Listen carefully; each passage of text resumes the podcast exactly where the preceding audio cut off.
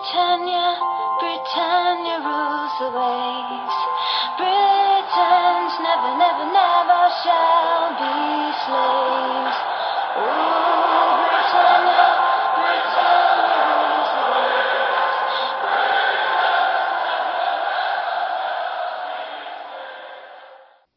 Hej och välkomna till avsnitt 236 utav Svenska FPL-podden.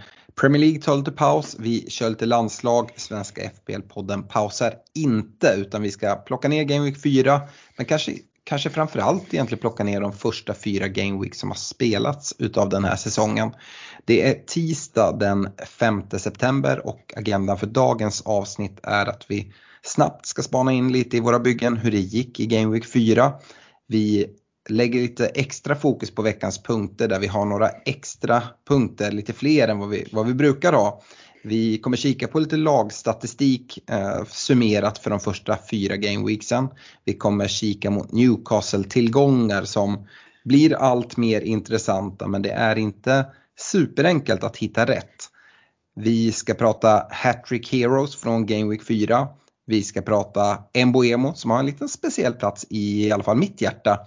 Och vi ska summera ett ganska mastigt transferfönster. Det hände en hel del här i slutet på transferfönstret men vi ska även prata spelare som blev klara ja, tidigt i fönstret och lite hur de har presterat under de här första gameweeksen. Och sen ska vi såklart svara på era lyssnafrågor. Och eh, Ja, efter ett eh, poddderby som eh, Arsenal eh, plockar hem på tilläggstid så är jag ganska glad att säga att Stefan inte är med oss idag Fredrik.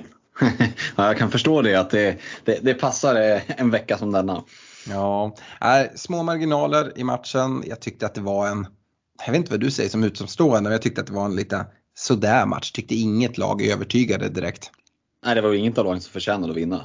Nej, det borde, borde ha blivit kryss då. ja, uh, ja, nej, den stora frågan som man egentligen tar med sig, jag vet att jag, jag har såklart pratat med Stefan efter, uh, efter derbyt och eller derbyt, poddderbyt i alla fall, eh, var väl att eh, vi var ganska överens om att eh, Havertz, alltså kan han fortsätta få startförtroende? Jag, Eh, Eh, det är han som ger bort omställningen till, till Rashfords mål.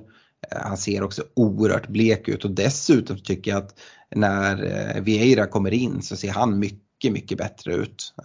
Och jag, jag vet inte. Jag har varit tveksam till, till värvningen utav Havertz där, där de la mycket pengar. Får vi se om Arteta får ordning på det där. Vad, vad tror du? Är Havertz kommer fortsätta starta vecka efter vecka? Eh, ja, det vågar jag faktiskt inte svara på. Det borde han inte göra. Jag, den som har lyssnat på den här podden back, liksom, de senaste avsnitten vet att jag varit ganska hård med, med sågen liksom, mot den här värvningen och jag tycker att den är märklig fortfarande. Jag tycker att det är en oerhört överskattad fotbollsspelare. Eh, jag tycker inte att han ska ha att göra i en startelva i ett lag som eh, aspirerar på att vinna titeln. Liksom. Mm. Jag ser inte de styrkorna liksom, som, någon, som uppenbarligen Arteta och många andra ser. Eh, och som du säger, när, när det blir, här blev det ju väldigt blottat. Eh, och, men Artetas liksom, spelsystem ställer ju ganska höga krav på spelarna. Eh, och, eh, jag tycker att det är liksom smartnessen. Du ser ju en spelare som Declan Rice, en spelare som, som eh, Martin Ödegård. De har ju den här smartnessen som krävs för att spela på det där innermittfältet. Det tycker inte jag att Havertz har. Eh, och, nej, då, då, då går det fort där inne och då, då resulterar det i att man liksom bjuder eh, ja, men på sådana här mål och det har man ju inte råd med. Mm. Eh, vi såg bland annat eh, spelare som Ödegård, Martinelli, Rashford komma iväg med returns. Spelare som många lämnade. Vi vi, vi, talade om att lite, ha lite tålamod. Eh, med det sagt så jag byter ut eh, Ödegård eh, den här veckan eh, och liksom får inte hans poäng. Å andra sidan får jag poäng på Madison som jag, som jag plockar in. Men vi, vi kommer sitta i sådana här situationer tror jag, framförallt på mittfältet, att man byter ut bra spelare med, med OK matcher för att ta in någon annan som, som är intressant. Så ja, det, det, kan straffa sig. Vi såg det eh, när vi kommer till våra byggen sen att Stefan som drar wildcard är faktiskt den som tar minst poäng utav oss tre den här veckan. Mm, och jag kommer inte undan heller, det är samma sak där. Jag byter ut mer poäng än vad jag byter in. Liksom. Men det är också farligt att se det för mycket över en vecka bara. Man måste ju se att man gör ett byte. Liksom. Förhoppningsvis gör man inte isolerat för en vecka utan för att man ska vara bättre uppsatt inför kommande veckor. Eh, och, alltså en blank, ta en sån som Sterling, eh, han ska ju inte blanka den här veckan. Det ska vara åtminstone en assist och kanske två till och med. Eh, du var inne på det i början, det är små marginaler. Eh, mm. Så det, det, har man inte sett matcherna eller inte highlights så kan det vara värt liksom och, och, och åtminstone eh, ja, men in och se lite highlights för att se, okej okay, den här blanken, var den liksom befogad eller var den mer olycksfall i arbetet? Mm. Vi ser ändå en Marcus Rashford som nu gör 1 plus 2 på två matcher sedan han får, får utgå från vänster. Eh, vi tycker väl att Martial är eh, oerhört svag i den här matchen men vi får även se ett inhopp från, från Höjlund som jag tycker ändå liksom lovar någonting. Och, eh, eh, jag vet inte vad du säger, vad, vad, du tycker om Höjlunds första minuter i, i United-tröjan. Ja, men det är ju alltid tufft att komma in i ett Premier League så att eh, kan han komma in och, och göra det helt okej okay för hans egen del så är väl det bra. Eh, innan han själv blir ett FPL-alternativ, ja då måste han nog kanske visa lite mer att han är inte Nicholas Jackson i, i, i boxen. Liksom. Eh, men som du säger, för Rashfords del, att då få gå tillbaka till den här vänsterkanten och ha en striker, riktig striker där inne, inte liksom ja, men, nudellåret eh, Martial utan en riktig striker som förhoppningsvis håller då för, för Uniteds del. Det gör ju Rashford eh, mer aktuell och för oss som sitter kvar och håller på Rashford kanske faktiskt det som gör att vi håller honom istället för att skicka honom. Mm, jag tycker både Rashford och Bruno Fernandes kommer må bra utav Rasmus Höjlund in i, i bygget skulle jag säga. Jag tror att han är snabb, han är stark, han sliter och drar och kommer skapa ytor för, för andra. Eh, sen får vi se liksom vad det kommer leda till men jag, jag skulle se det som en ganska rejäl uppgradering från det vi har sett från en, liksom, en Martial eh, tidigare. Och Bruno, ja men de här matcherna är ju inte riktigt hans. Eh, han kommer lite djupare i, i toppmatcherna men nu, nu ser spelschemat bättre ut. Jag tror att han kan komma upp lite längre i banan och som sagt Höjlund drar på sig mer trafik och det bör kunna ge, ge möjlighet till Bruno poäng också. Så jag är ganska nöjd med att sitta kvar med båda där. Eh, Eh, annars, eh, vi såg en eh, Gabriel Jesus få ett inhopp, vara tillbaka och in i målprotokollet där med, med avgörande 3-1 målet när, när det blev lite öppet och United chansade lite. Eh, vi såg även en annan Gabriel, just Gabriel mittbacken, fick sin första start eh, och ja, jag tycker han gör det bra och kanske det vi kommer se nu när eh, ja, men dels Sinchenko är tillbaka men också liksom att transferfönstret är stängt och liksom allting sånt där. Att det liksom inte finns något som eh, ja, men sätter några griller i huvudet. Nej, det ska väl mycket till att Arsenal ska släppa honom till, till Saudi nu eh, mm. utan att kunna ersätta. Det tror jag ju inte. Eh, man släppte ju lite försvarare här. Ja, men sån här mm. dussinspelare i slutet så det verkar ju väldigt osannolikt och med lite skador och sådär att de skulle släppa iväg honom. Det tror jag inte utan det kanske var hans biljett in till, till speltiden och för oss som då som av någon outgrundlig anledning sitter kvar på honom så ger det ju lite huvudbry för att det var ju ett väldigt enkelt byte att göra. Mm. Eh, och, och, ja, för egen del som sagt, jag, mm, det är långt ifrån säkert att det blir han som byts ut. Nej, nej, det förstår jag. Mm. Eh, hur mycket satt du med där i soffan som Liverpool-supporter när du ser att uh, United uh, spelar ett mittbackspar uh, i form av Harry Maguire och Johnny Evans? Eh, mer garvad än mös faktiskt. Det, det, det, var ju, det var ju en, eh, ja, men, eh, en riktig sån här liksom déjà vu flashback-känsla. Eh, nästan lite surrealistiskt faktiskt. Eh, och, ja, men det är ju en, en, en någonting att ta in nu för den som sitter på en Onana till exempel. Att det är klart att det, det är ju inte Varan och, och Lisandro Martinez eh, om, de tvingas, om de tvingas ställa upp med, med de här gubbarna, liksom, med betoning på gubbar. Um, det är ju en rejäl försvagning för eh, United centralt. Eh, defensivt. Så att, ja, det, det, nu ska vi kanske inte, jag vet inte om Vigge gick han under också eller? Nej, tydligen så känner han sig lite sjuk. Ja. Eh, så jag tror inte det ska vara någon fara. Jag tycker att, att han har gjort det bra. Nu hade han inte sin absolut bästa match mot Arsenal direkt, men jag tycker han har gjort det bra här under en ganska lång tid när han har fått, fått chansen. Martinez skulle heller inte vara någon liksom tydlig skada. Han hade en liten känning i foten tydligen. Eh, så det låter inte som att han ska vara borta under en längre tid. Sen vet man aldrig eh, vad som händer och Varann är ju borta ett tag till i alla fall. Men vi har ju, vi har ett landslagsuppehåll nu. Det passar ganska bra inför för United och, och samla trupperna och få tillbaka lite folk från, från sjukstugan. Så att ja, vi får, vi får se vart det tar vägen. Mm. Men ja, ni, ni, skickade, ni skickade Erik Bailly såg jag nu i alla fall, så du slipper honom. ja, alltså han har ju varit lite så här i United-led, en gubbe som, som folk har gillat. Jag har haft oerhört svårt för honom för att jag sitter med hjärtat i halsgropen hela tiden. Det, man väntar bara på att den här tvåfotaren ska komma liksom och så är det en, en gubbe mindre. Eh, så det är på något sätt en charmig spelare och, och, och liksom kunna, kunna kika på och man kan, man kan garva lite åt det men alltså han kan också ställa till det oerhört mycket för sitt lag och det, ja, jag, jag slipper gärna det. Eh, och vissa liksom vill göra någon så här, eh, jämförelse mot liksom, en spelare som jag håller oerhört högt, Nemanja Vidic som inte la fingrarna i, i, emellan. Men eh, jag tycker det finns lite skillnad i timing på tacklingar och eh, liksom hårdheten absolut men är det är en liten annan smartness kan jag tycka. Ska man jämföra med någon så är det väl snarare en Sakho, Sakho som var i Liverpool, fransmannen. ja, verkligen. Eh, alltså det, det, det, finns ju liksom någonting där som folk uppenbarligen gillar. Men det finns också liksom en craziness att göra en Cruyff-vändning liksom på egen straffpunkt och, och, hoppas att det, att det håller. Eh, så jag, jag håller med dig, det, det, det, är inget man gillar som liksom, ja, men egen supporter att sitta och titta på. Det, är inte den här stabila eh, mittbacken som man önskar ha. Ja, herregud. Nu vi ska lämna och undvika att prata United nu ett tag. Vi kommer väl komma tillbaka lite sen när vi ska prata transferfönster och sådär. Men eh, jag tycker vi kan unna oss så här i ett extra avsnitt och prata lite allmänt. Du måste vara väldigt glad med, med er insats mot, mot Villa. Liverpool vinner med 3-0 och ser faktiskt ganska stabila defensivt ut. Ja, trots ja, att Van Dijk är borta och Trent gör väl sin ja, men sin kanske bästa match på, på väldigt länge eh, men går ut skadad.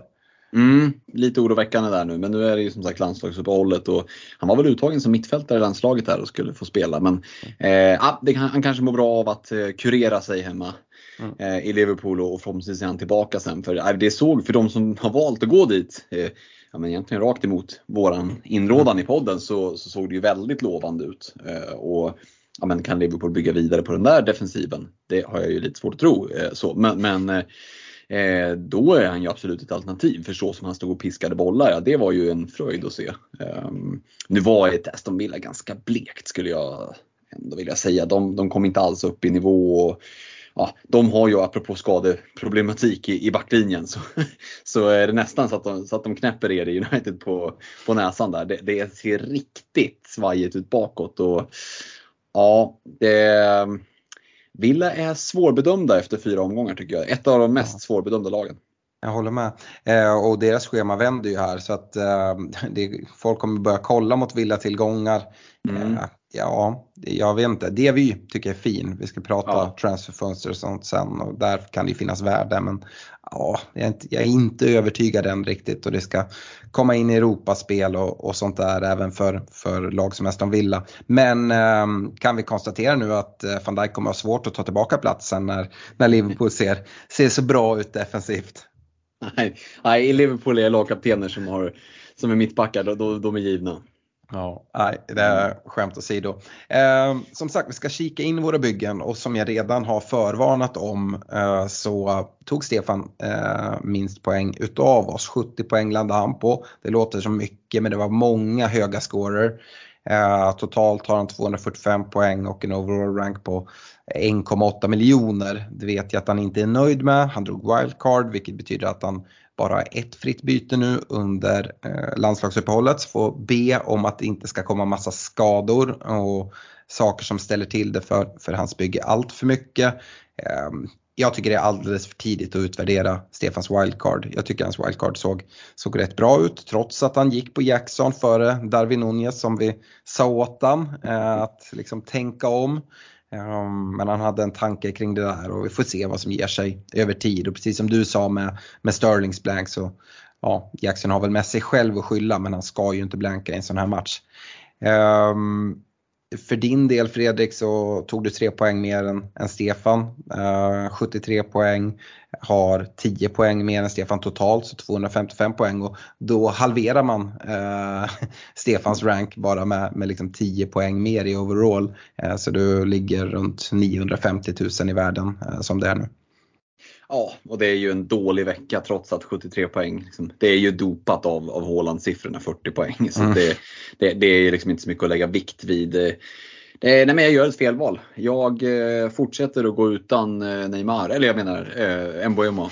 Mm. och nej men skämt åsido, den gubben har ju gått och blivit, liksom, vi visste att det var en, en habil fotbollsspelare men, men eh, av någon jäkla anledning så, så väljer jag att fortsätta gå utan honom i laget och då får man skylla sig själv.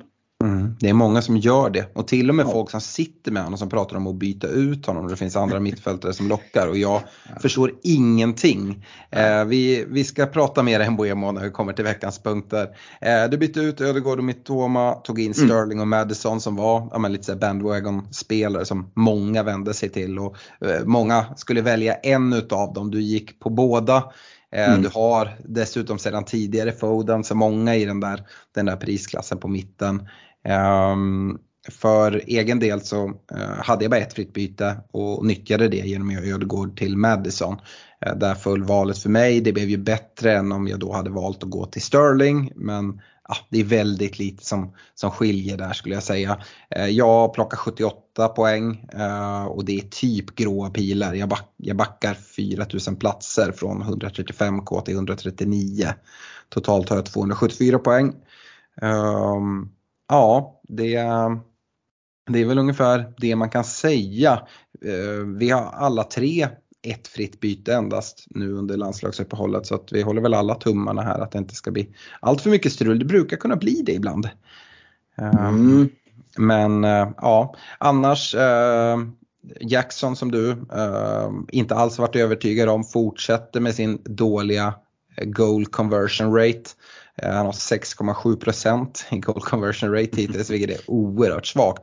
Men eh, han fortsätter komma till chanser. Jag tycker det är positivt. Uh, han har uh, han kommer till lägena lite som Darwin Nunez förra jag säsongen. Året, årets Darwin Nunez, tänkte precis ja, säga det. Och frågan är om det kommer hålla i sig lika länge som för Darwin Nunez. Uh, för det, han led ju av det under hela förra säsongen mer eller mindre skulle jag säga. Uh, jag har försökt kolla lite bakåt på det där. Uh, spelschemat är fortsatt bra, jag kommer nog bara sitta kvar där. Um, kollar man på hans eh, La Liga-säsong 22-23 då innan han anslöt till Chelsea så uh, av de 120 spelarna som, som kom upp i 25 eller fler skott i La Liga så hade han bäst goal conversion rate av alla i hela La Liga eh, på 29,3%. Så jag tror så här att eh, det kommer att komma, det kommer att lossna. Eh, så får vi se Eh, det behöver inte bli så men eh, man kan också se vissa spelare som bara är riktigt jäkla usla avslutare.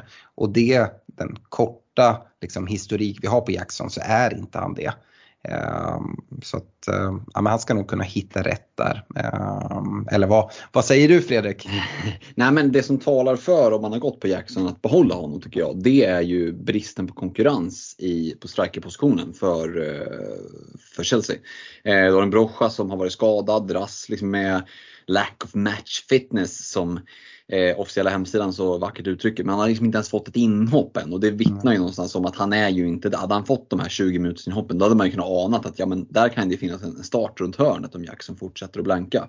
En Kunku långtidsskadad, den här David de har tagit in, jag vet inte vad det är för jävla tomte men han lär inte få spela.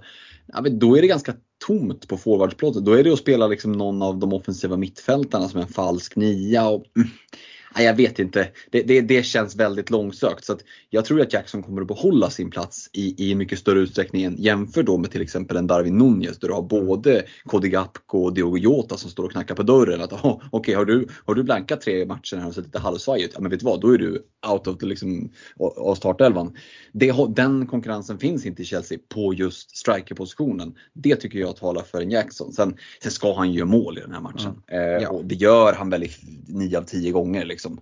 Eh, men eh, Ja, återigen, vi har bara sett fyra matcher än. Vi får väl fortsätta att se. Eh, men det är klart att han har ju inte övertygat så att vi som inte har klivit dit än känner att vi måste rusa dit. Eh, det är ju inte känslan. Nej, men jag tycker också att det talar någonting som talar för honom att han ska få fortsatt speltid. Det är att han är väldigt bra i link-up-spelet och betyder Absolut. mycket för Chelseas spel. Även om målen inte kommer.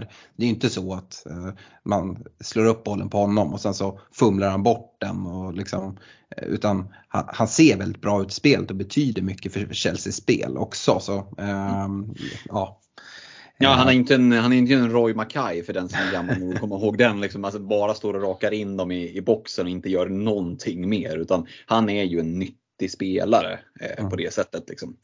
Eh, så, så, det har du helt rätt Det är också talar ju för att han kommer att fortsätta få, få speltid. Snarare då att vi ser rotation på, på offensiva mittfält. De här spelarna bakom eller på, på kanterna, där kan det nog roteras lite mer friskt tror jag. Mm. Absolut. Eh, vi ska nämna det, vi har ju ett Glenn-event här för hösten som vi eh, lite eh, presenterade lite smått i, i förra veckans podd då vi släppte platserna för, för våra Patreons. Nu öppnar vi upp även kvarvarande platser för, för övriga och här eh, har platserna gått åt som smör, precis, eh, smör i solsken precis som vi hade på känn. Så det finns inte alls många platser kvar. Det finns några enstaka. Um, så ja, vill man liksom inte missa sånt här så ser man till att bli Patreon. Eh, nu är det för sent för det här fallet. Nu får man gå in och boka tillsammans med alla andra och hoppas att man kan få en plats. Eh, Patreon blir man annars på patreon.com svenska FPL. Och Eh, stort tack till alla er som, som är med och stöttar där. Eh, men Glenn-eventet, Fredrik, eh, såg ett tag lite osäkert ut om jag skulle kunna komma med på det. Men det är helt klart nu så vi, vi blir fulltaliga så, så länge ingen går och drar på sig någon rejäl sjukdom. Men lördag den 28 oktober så drar vi till Göteborg och har en sån där riktigt fin heldag som vi har haft nu flera säsonger i rad och Eh, det kommer vara på ett fullsatt Glenn Ullevi. Och um, hur mycket ser du fram emot det?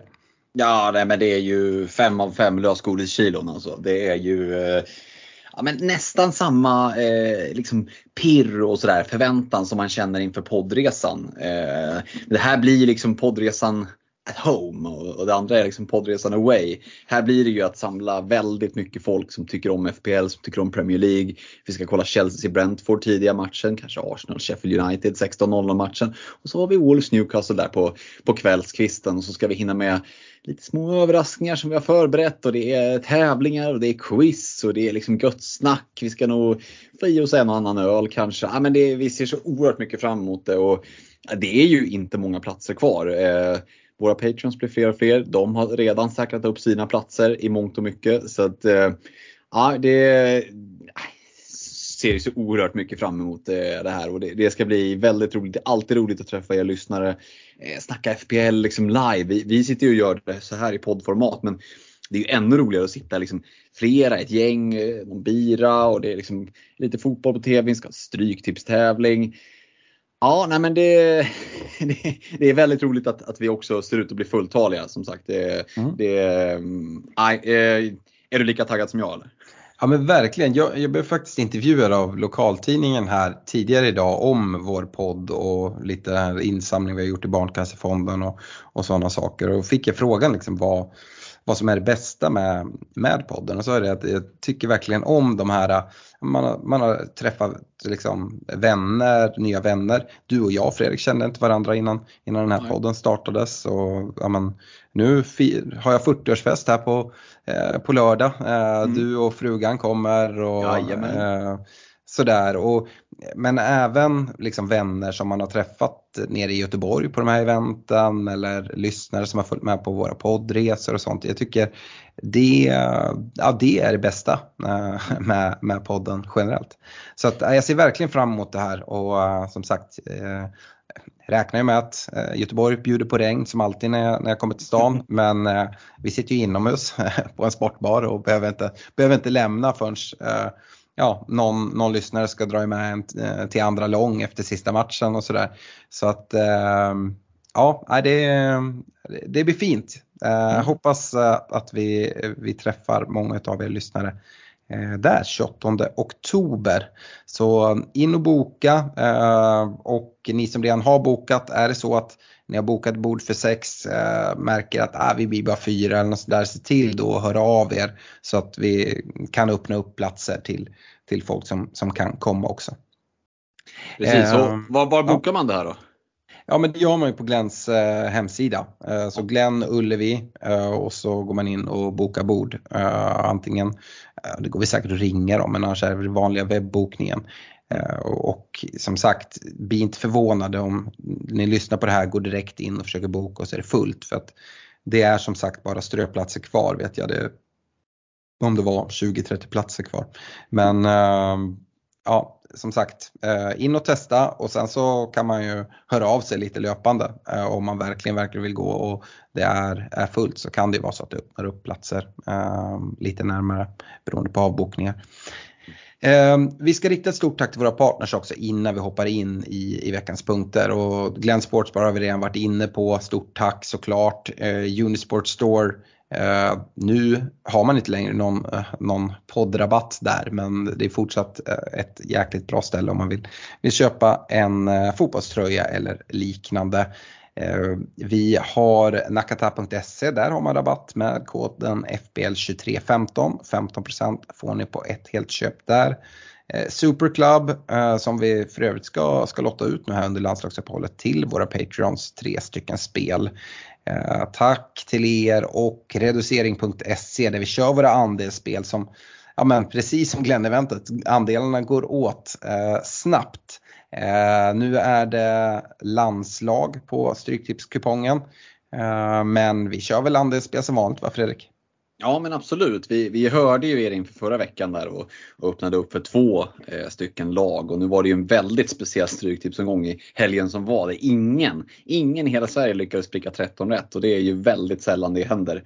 Eh, jag tror att utdelningen på 12 rätt var 157 000 och 10 rätt gav typ 1 och 6. Eh, så, så, för er som är bevandrade i Stryktips liksom, normen så inser jag att det är 1 och 6 för 10 rätt. Det hör inte till vanligheterna med typ ingen favorit som vann. Men självklart tar inte vi uppehåll utan jag tror att det är Stefan kanske som, som får ge sig på och eh, fixa till ett litet eh, fint reducerat system till helgen där. Så, så eh, nej, men det är jätteroligt att eh, ni är på. Vi släpper dem ju här på torsdagskvällarna där brukar vi eh, släppa lagen så man kan gå in och anmäla sig och köpa en andel och sen så, så lämnas det in på lördagen. Så att, nej, jätteroligt och eh, kul att höra också att ni är flera som börjar gå in på reducering.se och prova er fram. Det kostar ingenting att prova och det är ju roligt. Det, alltså det är så mycket som påminner om att fippla med FPL-laget inför säsongen. Du är in, du sätter en rad som är lite större, en grundrad i Stryktips som är lite större än vad du brukar tippa. Och sen med den här färgreduceringen som är det, eh, liksom det som vi rekommenderar att man börjar med. Så bara tar man bort rader som man inte vill betala för. Så genialiskt eh, och är vi det är ju, vi är ju, har ju fastnat för det här. Så tycker ni att ah, men, jag ska gå in och prova och så får ni inte riktigt kläm på det. Hör av er, skriv till mig direkt på Facebook eller, eller via Twitter så, så förklarar jag lite mer. Eh, bara liksom utifrån det som vi har fått till oss. Vi har ju proffsen på reducering.se som såklart också finns till hands. Men eh, jag öppnar upp min inbox. Det är bara att höra av sig om ni vill ha eh, lite tips på hur man kan tänka eh, med eh, reduceringen. Så att det kan vara bra att öva lite här inför landslagsfotbollen till helgen. Mm, snyggt där.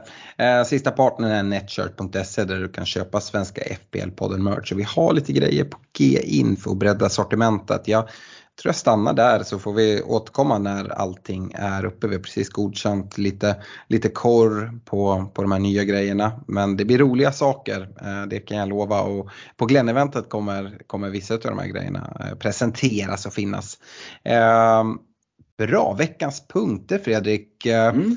Ehm, jag tyckte att det vore intressant att kika in i lagstatistiken för de första fyra gameweeksen och se om det är något som förvånar eller någonting vi kan lära oss från, från de här fyra gameweeksen och tänkte faktiskt börja med att kolla på lite expected goals-siffror. Och ni som inte är så mycket för statistik kan antingen välja att bara strunta i det här eller kanske om man kan lära sig någonting. För jag tycker att det finns lite att eh, utläsa från det här. Eh, och då kollar vi dels på hur expected goals-siffrorna har sett ut för de allra bästa lagen eh, som har presterat bäst i, i, statistiken. Men vi kollar också på vad det har resulterat i faktiska mål och då se hur är differensen? Är det en överleverans? Är det en underleverans? Och det kan ge lite indikationer på eh, om det kanske kan fortsätta eller om det har varit lite flyt.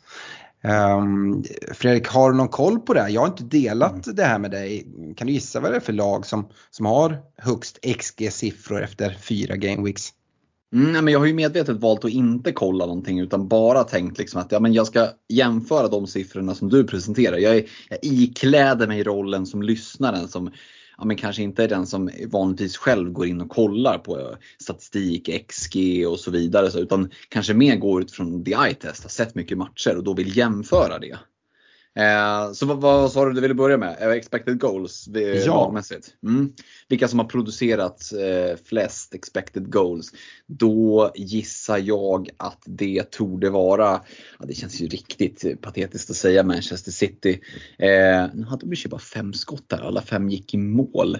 Eh, jag säger att högst XG som lag har du, du, du, Brighton.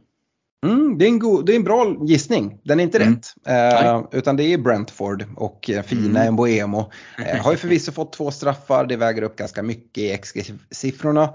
Eh, Brentford har 10,0 i XG på fyra matcher. Det är alltså ett snitt på 2,5 per match, vilket är oerhört högt.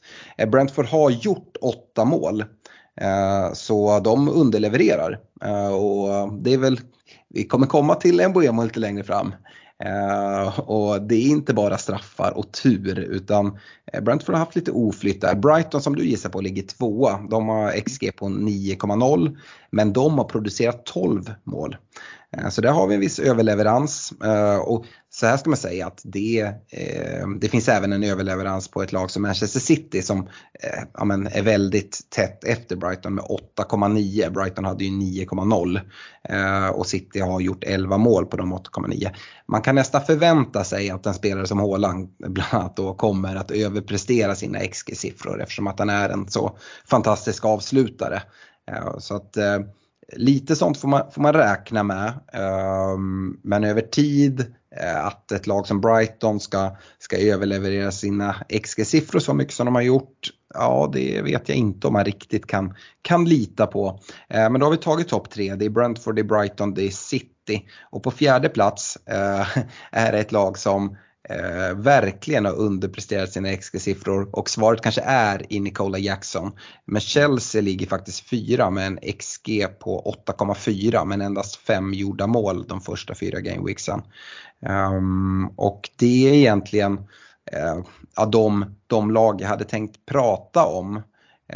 Um, Ja, vad säger du om, om Chelsea där? Det, Jackson har väl en del i det här. Sen så är det dessutom en bränd straff från Enzo Fernandez som, som nog väger in lite.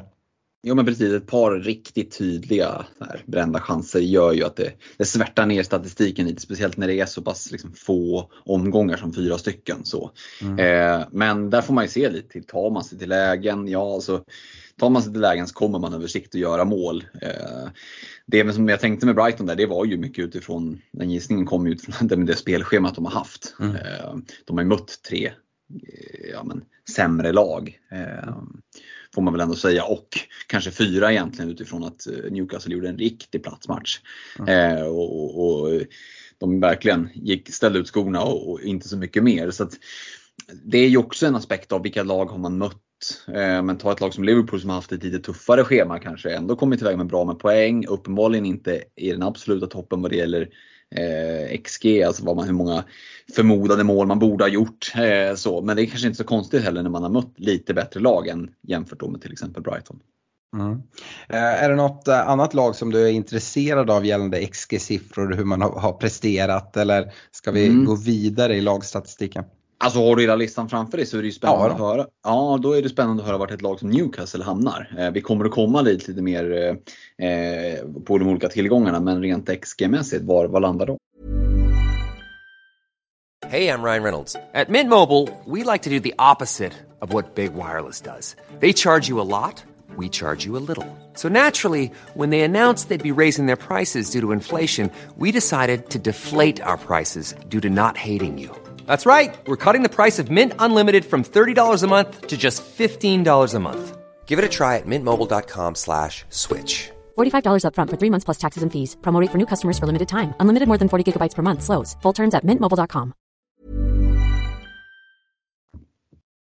De ligger lite under halva, de ligger 12 i tabellen. De har en XG-siffra på Eh, 6,9 då jämfört med Brentford som är, är eh, 10,0 eh, som, som är det bästa då.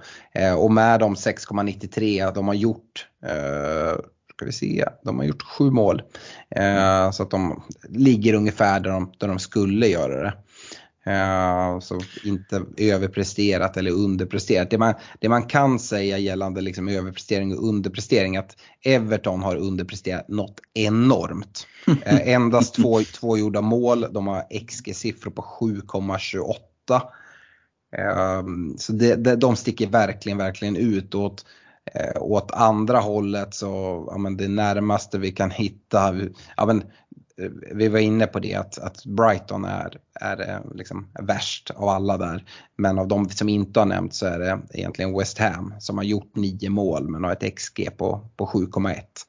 Eh, så att det är ingen jätteöverleverans för, för West Ham men det är ändå en, en viss, viss överleverans. Då. Mm. Uh, yes, ja, nu ljuger jag ju uh, faktiskt för det, det sitter med, med, siffrorna framför mig här bara i en ganska dålig tabell. Uh, Spurs har tok överlevererat. De har gjort 11 mål men har XG-siffra på 7,35. Mm. Så där har du en ganska stor, stor differens också. Mm. Spännande. Yes, det var XG-siffrorna och Eh, en annan eh, spännande sak som man kan kika på det är, eh, hänger ofta ihop med, med XG, men det är big chances created, alltså liksom stora chanser skapade då. Och ja, kan, kan, du gissa, vi har en klubb som sticker ut ganska, ganska tydligt där före, före övriga. Mm, precis, de är ju kopplade så det är sannolikt någon av dem som låg där uppe. Men, men, nej, men jag säger väl att Chelsea borde ligga hyfsat bra till där. Det gör de. 11, 11 skapade, stora skapade chanser på de här fyra matcherna. Och ja, med det, det är de ensamma med i toppen. Vi har inget lag som har skapat 10. Vi har en drös lag som har skapat 9. Vi har Brighton, Spurs, Brentford, United, Everton, Newcastle. Och vi har faktiskt ett lag som Wolves som har skapat 8. När kom de? mot United skulle jag tro. Men, men de har ju heller ingen som gör mål så det spelar inte så stor roll hur många chanser de skapar. Nej. Uh, jag tyckte det var, var, kul att spana in på det här. Jag tycker inte att det är riktigt lika intressant som, som XG-siffrorna. Så att, uh, vi kan väl gå och kolla på motsvarighet till XG fast uh, åt andra hållet, alltså expected goals conceded. Uh, och då tänker jag att vi ställer det i relation till faktiskt insläppta mål. lite samma sak egentligen som vi gjorde på XG där det var faktiskt gjorda mål. Och här tänker jag ju det blir lite så här det värsta du kan tänka dig. Och, alltså, vi kollar på de sämsta lagen, de som släpper till alldeles eh, mest chanser och eh, FBL-mässigt lag att pinpointa helt enkelt. Mm. Ja, eh, jag ställer väl samma fråga här då. Har du någon eh, avancerad gissning för det är ett lag som sticker ut ganska ordentligt? Alltså går man bara på the eye test, alltså vad man har sett, eh, så tycker jag att Burnley är de som har känts mest ihåliga. Lite för naiva i sitt sätt att spela och det bara rinner till chanser. Så gissningen blir Burnley med brasklappen att det finns ju ganska många räddningsplankor då. Men det känns som att de har släppt till en hel del. Mm. Det diffar över fem på expected goals conceded där. Och Burnley har en, två, tre, fyra, fem, sex, sju, åtta lag som har släppt till fler eh, expected ja, goals conceded. Och eh, etta på listan är Fulham. Och det är, det är 12,1 12, har de släppt till då. Eh, chanser. Eh, tuffa matcher absolut. Men oavsett, de, de har, har släppt in 10 mål. Eh, så att Eh, de har haft, haft lite flyt kan man säga att bara släppa in 10. Men eh, ja, det är, jag kan säga mitt eye-test säger också att Fulham har lite grejer att fixa till. Ja, och de har ju ett jätteproblem i att de har ju typ en jättebra spelare, Joao Palinha. Eh, han har missat tre, fyra matcher. Nu senast var han väl till och med i München och skulle liksom, ja men bara signa pappret och så, och så brakar allt ihop. Det blir ingen, ingen övergång. Han liksom är helt borta mentalt, får inte spela alls mot City och vi, alltså vi såg hur det gick tänkte jag säga. Eh, det är ju en spelare som, som Fulham faktiskt, om inte de har honom och nu kan de inte ersätta honom, då kan jag kan inte se hur de ska klara sig kvar. Nej, Nej ja, de har lite att kämpa med. det kan man nog säga. Det kan vi säga. Eh, går vi ner ett steg så som sagt det skiljer ganska mycket. Fulham hade 12,1. Eh, tvåa på listan är Sheffield United med 9,5.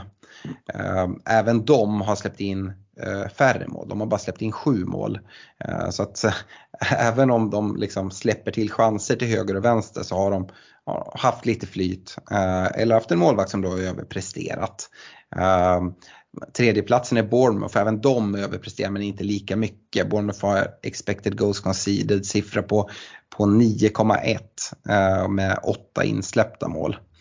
Eh, och eh, ja, det, det här är ju lag som vi kanske förväntar oss ska ligga här. Ett lag som jag inte hade förväntat mig, men ja, efter det vi har sett absolut, men med fint spelschema och Eh, så, så ligger Brighton fyra på den här listan. Vi har varit inne på det tidigare att de har släppt till mycket lägen. De har eh, en expected goals conceded siffra på 8,1 eh, och de har bara släppt in sex mål så att här har de kanske haft lite flyt skulle, jag vilja, skulle jag vilja säga. Och det här ska man ju faktiskt ta med att spelschema spelar in och Brighton har haft rätt fint spelschema de här första matcherna. Ja, det är ju ingen, det är ingen Erling Haaland som har försökt göra mål på de där expected goal-chanserna utan det, det, det, är ju ja, men lag av sämre kvalitet helt enkelt de har mött och det är väl därför siffran, siffrorna ser ut som de gör. Hade de mött bättre gäng med de här expected goal-siffrorna så hade, de, då hade det varit fler insläppta, det är jag rätt övertygad om. Mm.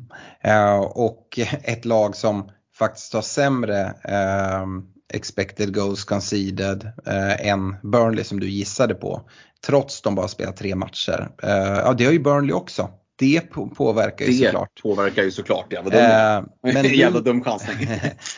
men Luton Town uh, har faktiskt en ännu sämre. De har uh, expected goals conceded siffra på 7,3 med 9 insläppta mål. Burnley som du var inne på har 7,0 så de ligger hyfsat nära men de har släppt in 11 mål då. Så de har släppt in fler mål än vad de egentligen har släppt, släppt till chanser. Mm, men då bara med tre matcher så de mm. skulle egentligen då utvärderas med en match till. ja, sig. Uh, så är det. Um, så så ser siffrorna ut. Uh, man kan också snabbt uh, när man går in i den här uh, tabellen konstatera att United också släpper till mycket. Eh, men har släppt in ungefär lika många mål som de släpper till. De har släppt, eh, United har släppt in sju mål redan. Eh, har en expected goals conceded siffra på 7,58. Så att ehm, ja, den är ehm, ja, den, det, det är inget vidare kan, kan, man, kan man snabbt konstatera.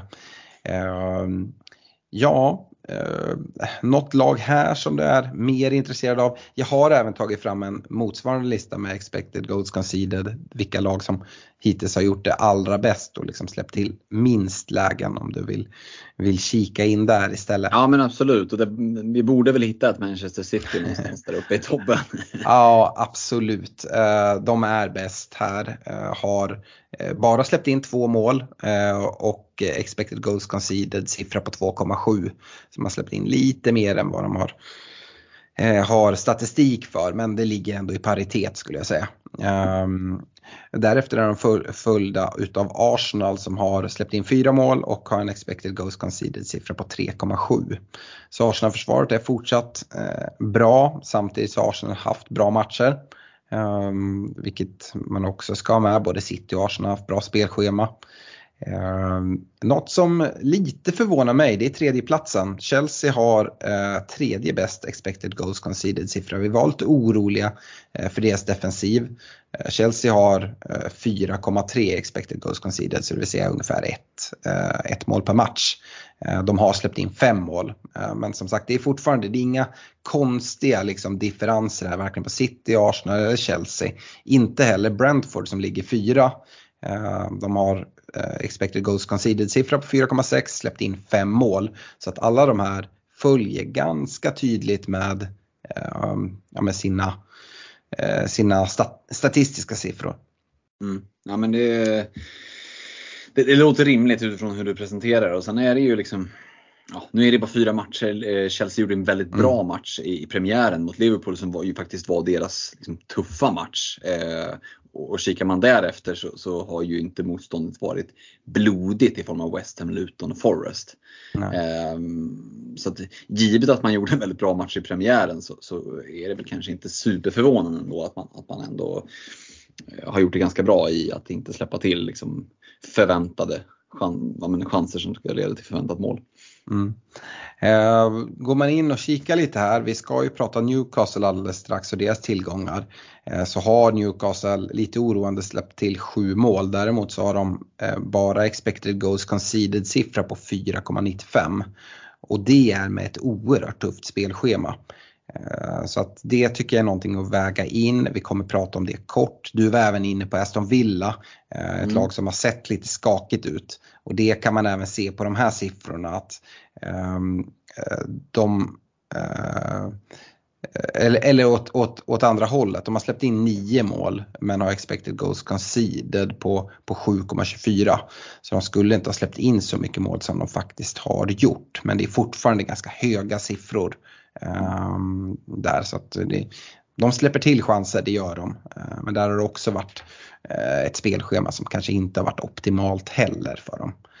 Ehm, åt andra hållet då vilka som eh, har har haft lite flyt. Eh, så West Ham United etta på den listan.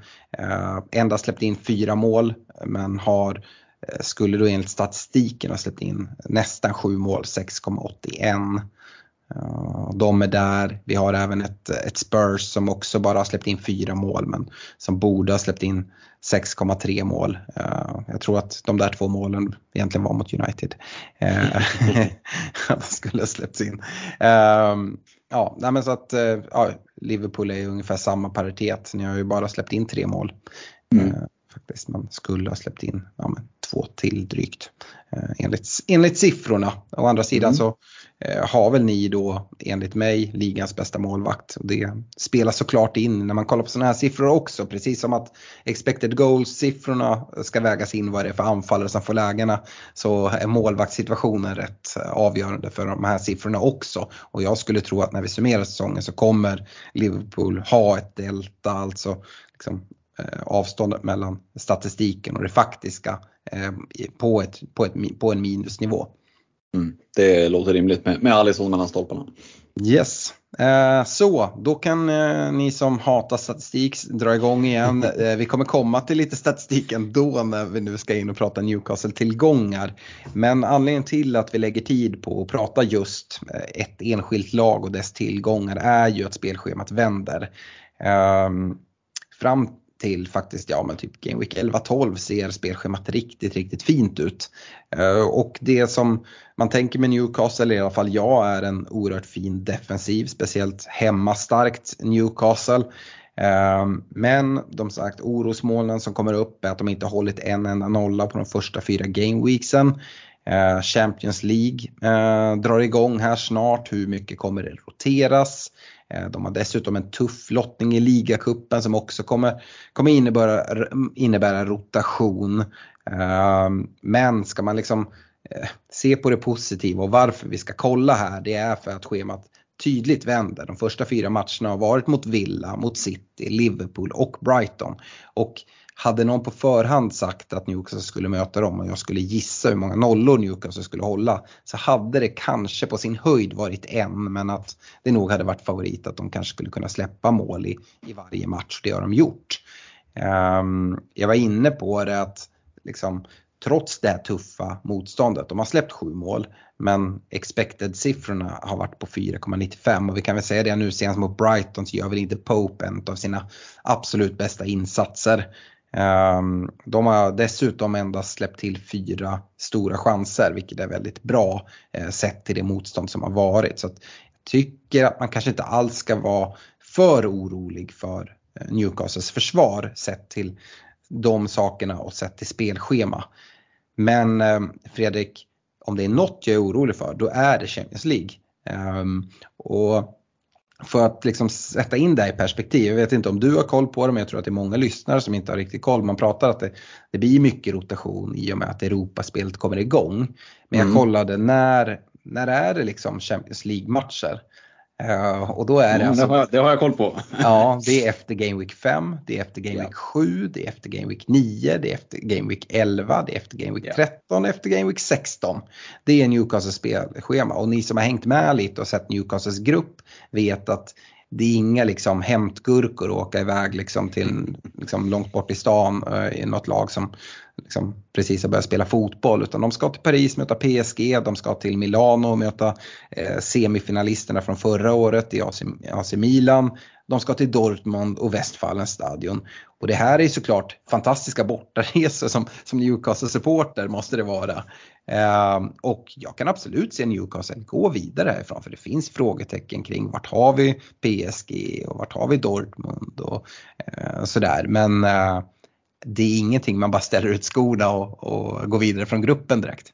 Nej, verkligen inte. Utan ska de, ha, ska de ändå ha chans får man väl säga, då bör ju de ju ställa upp med sin liksom, de kan inte lufta backlinjen mot, mot PSG. Det, det kommer ju bli liksom, det, det kommer, det, jag tror inte att Les, Jamal Lasells liksom, han, han vevar ungefär lika bra mot, mot liksom Fyllisar på stan som han skulle göra mot Mm. Eh, mot gubbarna i PSG liksom. Eh, så att nej, eh, jag tror att ska de ha chans i, och jag tror också att Eddie Howe kommer ju inte att vaska någon CL när de är där för första gången på länge utan de kommer ju gå all in. Ska det roteras någonting då kanske det är ja, men, omgång 6 eller 8 eller 10 därefter. Eh, att någon har dragit på sig en smäll och kanske vilas i, i, i, eh, i ligan eh, helgen efteråt snarare än att man liksom Ja, och, och med, det, med det så säger vi det att Newcastles spelschema vänder. Och där mm. kan man också väga in, men ska, vi, ska vi rotera mot PSG, eh, Milan och, eh, och Dortmund? Eller ska vi rotera mot Sheffield United, Burnley, Eh, Wolves, Crystal Palace. Det är, de här, det är det här spelschemat som väntar i ligan. Jag tror mm. inte på något sätt att Newcastle kommer ställa upp ett rent B-gäng i ligan. Jag tror ligan har högsta prioritet, det måste det vara.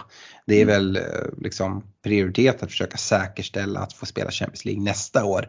Och det gör man inte genom att plocka hem Champions League. Det är något år för tidigt för Newcastle skulle jag vilja säga. Även fast ingenting såklart är omöjligt men det känns långt bort. Ehm, så att eh, man måste gå och se till att vinna de här ligamatcherna. Men är det någonstans jag kan se rotation så är det nog snarare i någon sån match att man ja, men, byter ut någon tidigt eller väljer att vila någon enstaka spelare. Det är väl det jag gissar. Jag nämnde även ligacupen. Nu blev de ju lottade mot Manchester City och den matchen spelade efter Game Week 6. Så hängde ni med där så är det typ veckomatch ja, men, mest hela tiden.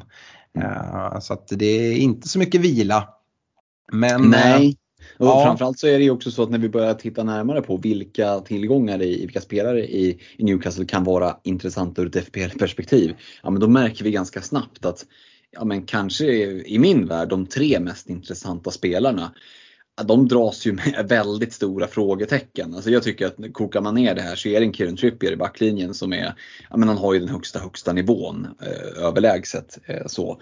Men man har plockat in en Livramento, eh, Trippier blir äldre, han har var, haft lite skador. Han är ju en sån spelare som man kanske skulle kunna se vilas i Sheffield United-matchen liksom efter en, eh, efter en tuff liksom Champions League-holmgång. Eh, och det gör ju mig lite orolig. Eh, du har en Harvey Barnes som har sett spännande ut, som har gjort poäng när han kom in. Men fan killen får inte starta. Han har ju fyra inhopp av vadå, ish 20 minuter. Det duger inte. Eh, jag tycker att det är märkligt att han inte tar en plats. Och det är en Alexander Isak som mm, har sett lite sådär svajig ut på slutet. Och det, vad gör Callum Wilson då? Jo, han hoppar in och gör mål mest hela tiden. Eh, och det där känns ju som 50-50 vem av Isak och Wilson som spelar. Det kanske inte är så superstor kvalitetsskillnad på dem. Det gör att Isak, Barnes, eh, Trippier, alla tre dras med jättestora frågetecken. Och oh, nej, oh, jag känner en väldigt stor osäkerhet. Jag vet inte om jag har missat någon uppenbar, men för mig är det de tre tydliga liksom, spelarna som jag har pinpointat sedan tidigare. Och jag känner inte liksom att jag måste slänga mig på någon av dem. Sådär. Eh, jag vet inte hur du känner kring de, de respektive spelarna. Eh, nej, jag håller med dig. Eh, du nämner Barnes där, jag tycker också att han har sett bra ut. Problemet är väl, som vi varit inne på tidigare, att han spelar på mittfältet. Ja. Jag kan inte ge en mittfältsplats till en Newcastle-spelare. Eh, även om han i stort sett skulle starta varje match. Och det gör han inte. Och du säger att det är konstigt, ja, jag kan hålla med. Samtidigt har de investerat enormt mycket pengar i en Gordon som dessutom gör det bra tycker jag. Ehm, så att det är fullt rimligt. De kommer nog dela på speltid. Jag tror att alla Newcastle mittfältare hamnar där. För jag vill ju kolla på de offensiva. Då är det Barnes, det är Gordon, det är Almiron, Ja, de kommer få dela på speltiden helt enkelt mm. och då är jag inte intresserad av att liksom offra en mittfältsplats till någon som ska hålla på och dela på speltid när jag för samma peng kan få fantastiska Mbuemo eller en Diavy i Aston Villa eller motsvarande där jag inte alls har några betänkligheter kring, kring speltid och dessutom är, ja, men, gillar vad jag ser. Mm. Ehm, så det gör egentligen att för mig går mittfältarna helt bort i Newcastle. Där eh, har jag noll intresse. Där jag har absolut mest intresse är i försvaret. Och jag hör vad du säger om Trippier och att eh, Livramento har kommit in samtidigt uppsidan med Trippier är fin alltså. Mm. Eh, han har kanske inte hotat offensivt eh, på samma sätt som han gjorde förra säsongen. Eh, men med det här spelschemat så är inte det jättekonstigt. Kollar man statistiken, om man nu gillar det, så är det endast Estopinian som har skapat mer lägen av försvararna första fyra gameweeks. Och då detta trots deras spelschema. Mm. Eh, jag ser uppsidan i Trippier rätt ordentligt. Och är det så att man inte har gått på Sala så är det heller inte supersvårt att få till och liksom hitta de här 6,5 och jag gillar den uppsidan. Eh, sen, jag tror, jag tror att alla kommer liksom vända blicken mot en Newcastle-försvarare i alla fall. Och kanske är svaret, eh, om man nu vill attackera Newcastles schema trots eh, risk för rotation, försvaret den bästa vägen att gå. Och till och med dubbla upp försvaret. Vi har en mm. Fabian Schär där, vi har en Bottman som som nu är skadad men eh, kan vara tillbaka efter landslagsuppehållet och det ska inte vara så allvarligt i alla fall så att om inte annat kanske, det är inte hela världen att missa Game Week 5 för då ska de i alla fall möta Brentford och fantastiska Mboemo. Um, men därefter uh, att kunna på de, uh, de bästa hemmamatcherna dubbla upp i Newcastle-defensiven. Ja, jag hatar inte att sitta med både Trippier och Kär eller Trippier och Bottman eller om man har lite tajtare i defensiven att både ha Kär och Bottman. Det var ett vinnande koncept förra året.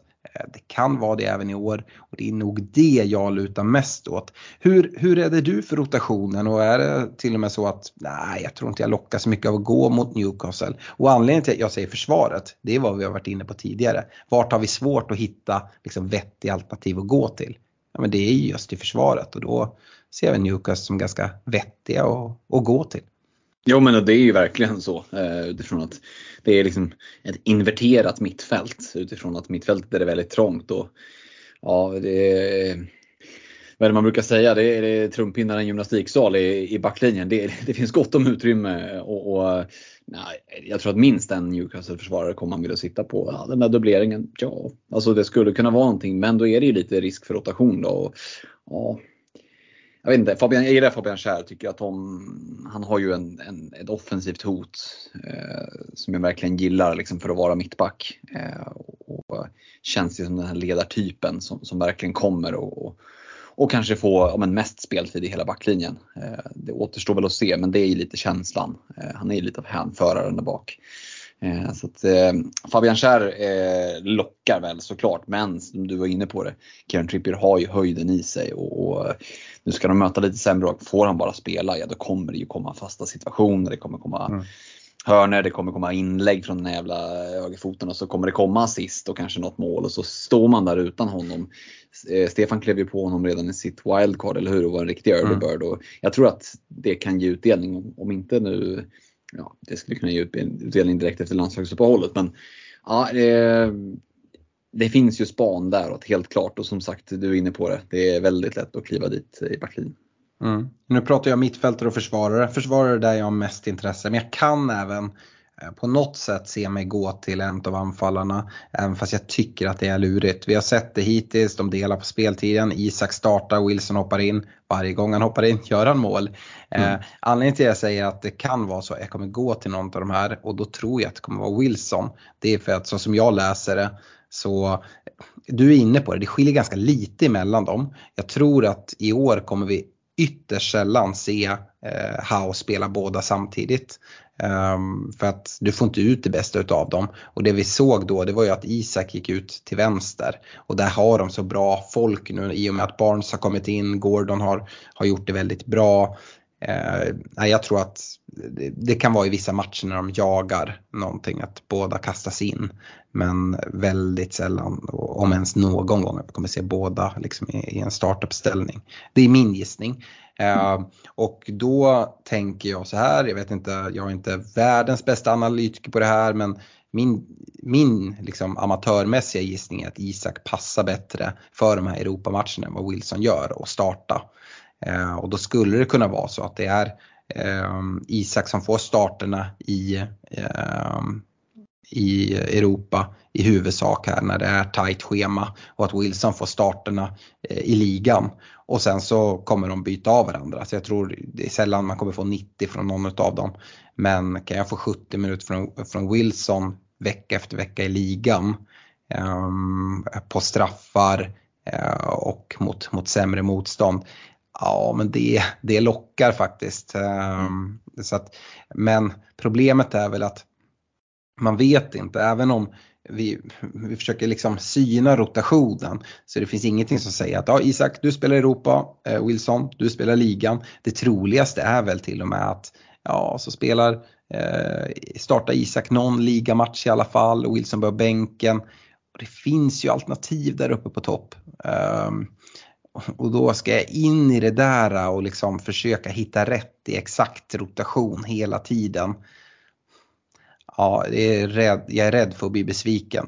Just nu känns det som att jag kommer landa um, och om jag inte tvingas till andra byten, om jag bara får göra det helt fritt, att sätta upp mig med dubbelt Newcastle-försvar. Mm. Uh, Trippier kommer vara den ena, är jag ganska säker på. Och sen får vi se lite budgetmässigt och hur man tänker. Är det så att jag till exempel, jag gillar också Fabian Kjär precis som du nämner, men är det ändå så att jag eh, kommer bara i utvalda Newcastle-matcher eh, spela dubbla beroende på hur jag bygger upp den här backlinjen. Ja, då kanske jag lockas lite av att gå på en Bottman som ändå är prisad 4,5 och 0,5 billigare än Kär. Mm. Nej, men jag delar din analys om vi återgår till, till Isak Wilson där att men Isak har ju lite mer flärd, lite bättre bollbehandling, sånt som krävs mot de här riktiga toppspelarna i Europa och Wilson kanske lite mer brunkare mot ett Sheffield United. Eh, jag ser ju kompatibiliteten att den lirar lite så. Men vi ska ha med oss också att en Callum Wilson, alltså, gudabenådad avslutare och så, men det är ju glasnudlar till ljumskar. Det är ju liksom gelégrodor till, till knän. Eh, alltså en korsbandsskada på Callum Wilson, vad står den i? 2,50 på Svenska Spel. Eh, och händer det, ja men då är ju Isak helt plötsligt mer eller mindre ensam kvalitetsstriker i laget. Och straffskytt. Och straffskytt. Och då börjar vi prata någonting. Och då kan man tänka sig, ja men nu mm. pratar ju du ungefär eh, som om en skada skulle hända. Jo men jag skulle säga att det finns två spelare som faktiskt går att prata så kring och det är Reece James och det är Callum Wilson. För vi, vi vet att, vi vet att de kommer. Ja, men han är ju kanske inte lika mycket ett FPL-alternativ. Jag tänker av de här riktiga eh, liksom, FPL-gubbarna som vi gillar att ha och som vi svär oss liksom eh, liksom vi bara sliter håret för. Och där, där känns det verkligen som att vi har en egen liga på, på Reece James och Callum Wilson. För det, de har inte underdelar av kroppen som är gjorda för Premier League-spel. Liksom. Mm. Nej, så är det. Eh, jag tror i alla fall att vi alla kommer bli tvingade att börja kolla mot Newcastle och då som mm. sagt mm. kanske enklast i försvaret. Eh, så får vi se eh, mm. vad, hur stor rotationen kommer vara. Mm. Nästa punkt är att kolla in hattrick-hjältarna eller hattrick heroes från Game Week 4. Vi har ju tre stycken. Vi har en eh, Erling Haaland som ingen kanske är direkt förvånad över att han gör hattrick. Speciellt inte när han liksom kopierar sin start från förra säsongen med 6 plus 1 varav ett hattrick eh, på de fyra första gameweeksen. Om det ska fortsätta så kan vi förvänta oss ett hattrick här i, i Game Week 5. Uh, eh, nu är väl inte jag eh, riktigt så inne på att det liksom är upplagt för det utan mer är en eh, tillfällighet. Men att han kommer fortsätta göra mål, ja det tror jag. Eh, det vi fick bekräftat som ingen tror jag var direkt tveksam kring det är att Haaland fortfarande är på straffar trots sin straffmiss som han eh, redan har eh, kommit iväg med här under de första fyra gameweeksen. Ehm, ja, Fredrik, jag tycker det finns inte så mycket att säga om Haaland va? Nej, mer att liksom ni som på ren pinchi liksom går därifrån eh, vecka ut och vecka in med binden. Ja, här har ni resultatet. Eh, mm. Så det, det, är det här ni spelar mot liksom, när, ni, när ni bettar på, på den där gröna nollan på roulettebordet. Då, då, det kommer bli rött eller svart de nästa gångerna, det är bara att inse. Ja, eh, och om det finns lite att säga om Håland så finns det ju ganska mycket mer att säga om Son i Spurs som kommer iväg med ett hattrick. Uh, och det är väl lite flavor of the month. Uh, om Sterling var det senast efter sina poäng från Luton så uh, tror jag många kommer prata Son och tänka på Son. Hur ska jag få in honom? Mm. jag vet inte hur du känner där. Burnley var ju också en match som passade Son som handen i handsken. Burnley är ett lag att pinpointa. 11 insläppta på tre matcher som sagt. på frågan om som är han en ny Sterling, det vill säga liksom bara nu med facit i hand att alltså blankar han nästa. Um, eller är han på riktigt? Nu får han ju mm. eh, kliva upp som, som nia, eh, har tidigare varit ute till vänster och eh, under nya tränaren så har han ju också stannat där ute till vänster lite väl mycket. Eh, men nog måste han få fortsätta som nia va? Ja, alltså konkurrensen består ju av Richarlison som, eh, ja förutom att han är ett jävla fuckface, så inte kan göra mål. Eh, och, eh, ja, alltså det vore ju tjänstefel av Postjoglu att inte låta sån fortsätta som, som någon form av jag vet inte om vi kan kalla det för falsk nia. Han är väl mer en djup, djupledslöpande striker snarare. Um, som älskar en högt stående backlinje som Burnley spelar med. Det ja, men det jag menar att det passar verkligen, liksom matchen passade honom dessutom om man hade fått spela nia. Nu var man inte säker på att han skulle få göra det och då mm, kändes det ganska långt. Jag var inte nära att ta in Son den här gameweeken före Madison som jag, som jag valde att gå på. Nej men samma här, och jag tycker det finns ett par liksom, pros and cons och där, så finns det ett par tydliga liksom, fördelar med sånt och så finns det ett par tydliga nackdelar som gör det lite svårare. Fördelarna som jag tycker är att ja, men spelschemat säger kommande fem, det ser ganska bra ut för sån. Alltså då Sheffield United hemma som är en bra match, som är ett uselt jävla skräpgäng där han kan komma undan med mål. Och, och sen i, i Game 8 och 9 så har du Luton och Fulham, det är två lika dåliga skräpgäng. Så då kan man säga, ja men sexan och sjuan, där möter de Arsenal borta, Liverpool hemma. Ja precis, högt stående backlinjer. Eh, en sån i löpduell mot en eh, Gio Gomez eller en eh, Gabriel Magalhaes. Ja, jag, jag ser ju målen komma även om Spurs kanske inte nödvändigtvis kommer att gå vinnande ur matcherna.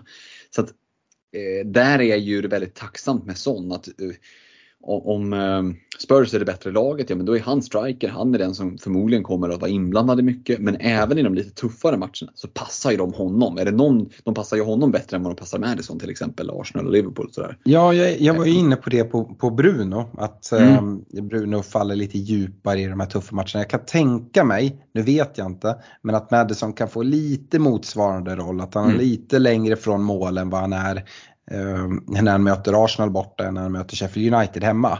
Om vi pratar Game Week 5 och 6. Mm. Eh, sen som sagt, jag, jag gillar mitt, mitt val med Madison men jag har lägre förväntningar här i ja, exempelvis Game Week 6 eh, borta mot Arsenal än vad jag har haft på de här matcherna som, som har varit.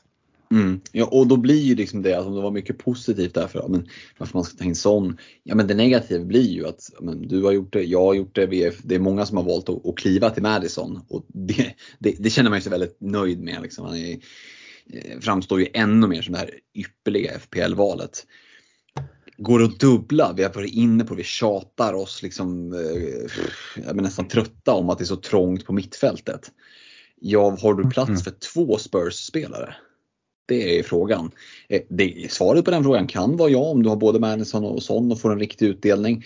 Men det, det krävs ju sina cojones att liksom dubbla Spurs mittfältet mot, eh, men mot, först mot Arsenal och sen mot Liverpool. Kommer du liksom med, med fyra blanks på de två gameweeksen, mm, det, blir, det kan bli kostsamt. Mm. Jag tror väl det att det kanske snarare är att kliva på lite senare. Man missar förvisso, förvisso eh, Sheffield United hemma i Game Week 5. Men Mm. sen, vi pratar om Luton i Game Week 8 men det är fulla med Game Week 9. Eh, dessutom Game Week 8. Eh, nu har vi pratat, det, det är ju verkligen att gå händelserna i förväg här. Men vi har pratat om Haaland som permakapten. Men i Game Week 8 så har Haaland Arsenal borta. Eh, Samtidigt som då Son har Luton borta. Då blir det ju faktiskt en fråga ändå tycker jag och där kan vi ha en riktig kaptensdiskussion vilket vi såklart kommer ha inför eh, podden eh, inför Game Week 8. Eh, Men då helt plötsligt tycker jag att det finns verkligen ett case att argumentera. Och är det så att man sitter med Madison, mm, jag vet inte hur du känner men jag är inte bekväm på samma sätt att bindla Madison. Men om Son nu fortsätter få spela nia hela vägen fram här till Game Week 8, gör det bra i de här matcherna. Ja, då tycker jag absolut att det finns ett argument. Eh, Det ska bli intressant att se när vi kommer till Game Week 8 för det kommer vara en sån där omgång där binden kanske spretar lite grann. Eh, Vissa Mm. kanske väljer att gå till United, har hemmamatch på Old Trafford, eh, möter Brentford. Brentford är ju ett bra lag men som sagt jag, jag kan se att folk går ifrån Haaland i, i Game Week 8. Mm. Synd att Spurs har tidiga matchen där mot Luton borta. Man hade gärna sett en, en kvällsmatch på, på Kenilworth Road. Men ja, eh, det, det, det, jag, håller med om att det, det kittlar ju lite i en kaptensnerv som har varit rätt stendöd annars. Eh, Att vi kanske kan börja liksom Ja, men även vi som är ganska konservativa med binden blicka lite någon annanstans. Det är inte så många omgångar på, på en hel säsong. Eh, förutsatt att Haaland är helt som vi kan göra det. Mm. Nej, men i Game Week 8 tar vi lite span på och som du sa där kan man tänka sig att liksom avstå eventuella poäng för Son här i, i, eh, i kommande Game Week när man ska möta Sheffield United. Eh, hemma. Det, ja, det, kan, det kan ju verkligen bli, det kan ju bli överkörning deluxe. Men, eh, nej, men då, då kanske eh, Arsenal och Liverpool-matcherna får vara lite, lite prövoperiod och, och utvärdera och se så att han inte eh, Risken är att han backar ur och sätter ut, eh, sätter ut Son mer på kanten för att han vill ha en, en targetspelare och kunna låsa fast bollen på mer eh, som nummer nio. Det är väl det man är, jag är lite rädd för att han vill ha en stor tung liksom, bollmottagare för det är ju inte Jungmin Son. Han är ju mer en som, som löper liksom, i Mm. djupet.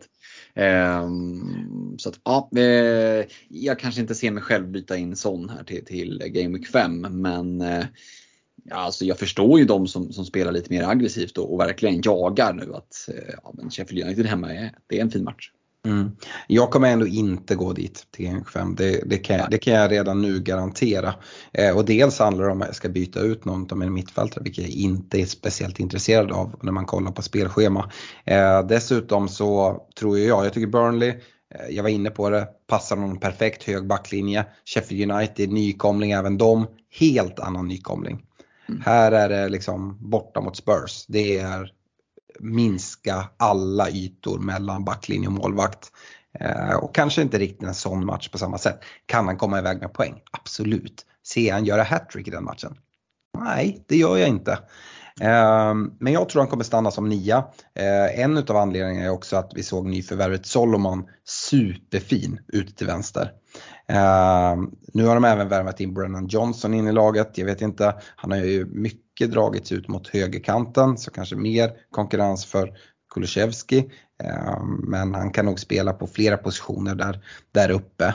Ehm, och kollar man på, på siffror så eh, som centralt versus kant. Eh, den tydligaste siffran som jag tyckte var ganska bra, nu är det bara liksom en match vi har att gå på från centralt under de här första fyra gameweeksen.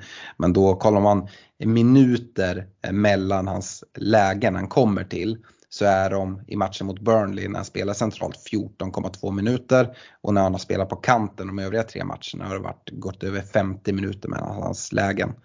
Eh, Det talar ett ganska tydligt språk. Förvisso ska man väga in att det var Burnley men mm. eh, de som dock kollar på att byta innan till Game Week 5 ska sägas att nu är det landslagsuppehåll. Men Sydkorea spelar båda sina matcher i Europa och faktiskt även på de brittiska öarna. De kommer spela i Wales och de kommer eh, spela in på St. James's eh, uppe i mm. Newcastle. Eh, så att han ska inte ut och liksom bli jetlaggad och komma tillbaka sent och sådär. Så det kan man i alla fall släppa.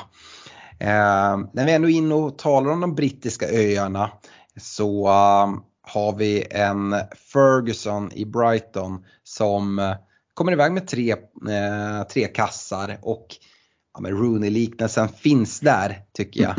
eh, en spelare jag verkligen gillar och skulle skulle gärna ha till United. Det är väl liksom nästa miljardförsäljning för, för Brighton om vi ska försöka blicka fram i spåkulan. Och visst går han till Chelsea Fredrik? Ja det, det känns ju väldigt Chelsea-kompatibelt att, att trycka iväg två miljarder för honom här i, i, i januarifönstret. Två miljarder också.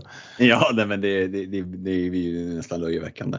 Eh, nej men såklart en, en jättetalang, 18 bast. Eh, Christian Vieri var De Serbis eh, eh, egna jämförelse. Eh, mm. Du säger Rooney och vi har hört andra storstjärnor. Nej men det är jättetalang såklart. Eh, har ju lite flyt med målen, studsar lite rätt och sådär. Eh, men, men han kommer väl få mer och mer speltid och, och kan ju mycket väl bli ett, eh, ett alternativ. Och det ska ju mycket till för man ska till liksom, fan spela en Danny Welbeck före, det känns ju som ett jävla skämt. Liksom. Ursäkta men, men, men lite så känns det. Eh, så vi får väl se. Sen vet jag inte hur, hur väl han håller för att spela vecka ut och vecka in om han har den fysiken. Han är ju alltså stor och stark men, men när man är stor så får man ju också en belastning på ja, men leder och, och knän och allt möjligt. Och, och, han har ju inte spelat liksom, säsong ut säsong in. Han är ju så pass ung att det är helt omöjligt. Eh, och där, eh, där ligger det ju lite osäkerhet. Kommer han då att vilas var fjärde, var femte match och sådär. Det känns ju lite sisådär. Liksom. Och han är också en anfallare i en ganska svår prisklass, 6 miljoner. Duger han som eh, andra striker bredvid Håland? Mm, ja, kanske om vi ser att han gör den där platsen till sin. Annars är han ju risken att han blir den här tredje anfallaren, ganska dyr eh, första kvistspelare. Eh, och det är risken att du blir fast med poäng på bänken. Du vet inte riktigt om du ska spela honom eller inte för också en spelare som är väldigt svår att och, och se när kommer han göra poäng. Och, så jag tycker att det är en väldigt svår FPL-spelare än så länge innan han är liksom den här talismanen för Brighton. Eh, för det är han ju faktiskt inte än. Eh, så att, mm, wait and see. Nu drog han väl på sig någon skada här och, har väl inte gjort sin premiär för är det Irland kanske. Eh, han, jo, han, har han, har, han, jo, han har, gjort, han har gjort matcher för Irland redan. Eh, men jag tror att det finns något reglemente som säger att, eh, man, att han ändå skulle kunna byta till, till England. Eh, mm. Men han var väldigt tydlig, när han fick frågan i en intervju att ja, då stryper farsan mig. Så att, och det är liksom Irland, England, nej alltså jag kan inte se den komma faktiskt. Nej. Uh, ja, nej, det, det, tror jag, det, liksom, det vattnas kanske i munnen på, på engelsmännen men uh, det kommer inte hända. Uh, och dessutom ska då in och konkurrera med Kane där. eller ska han liksom vara storstjärnan i Irland? Nej, Eh, det, tror jag inte. Det som det största argumentet emot Ferguson, du är inne på det lite grann där om man ska ha honom som andra eller tredje anfallare. Klart man kan ha honom som tredje anfallare och spela en 3-4-3 men vi har varit inne på det tidigare hur trångt det är om mittfältsplatserna. Eh, så att nej, för mig lurigt och den stora anledningen till det eh, stavas De Serbi. Eh, Europaspelet börjar, vi var inne på det med Newcastle, kommer vara samma med Brighton eh, och De Serbi ja, men han, där har jag liksom inga betänkligheter alls. Där kommer det roteras hej vilt. Alltså. Så det skulle inte bli förvånande om materialen hoppar in i någon match. Liksom.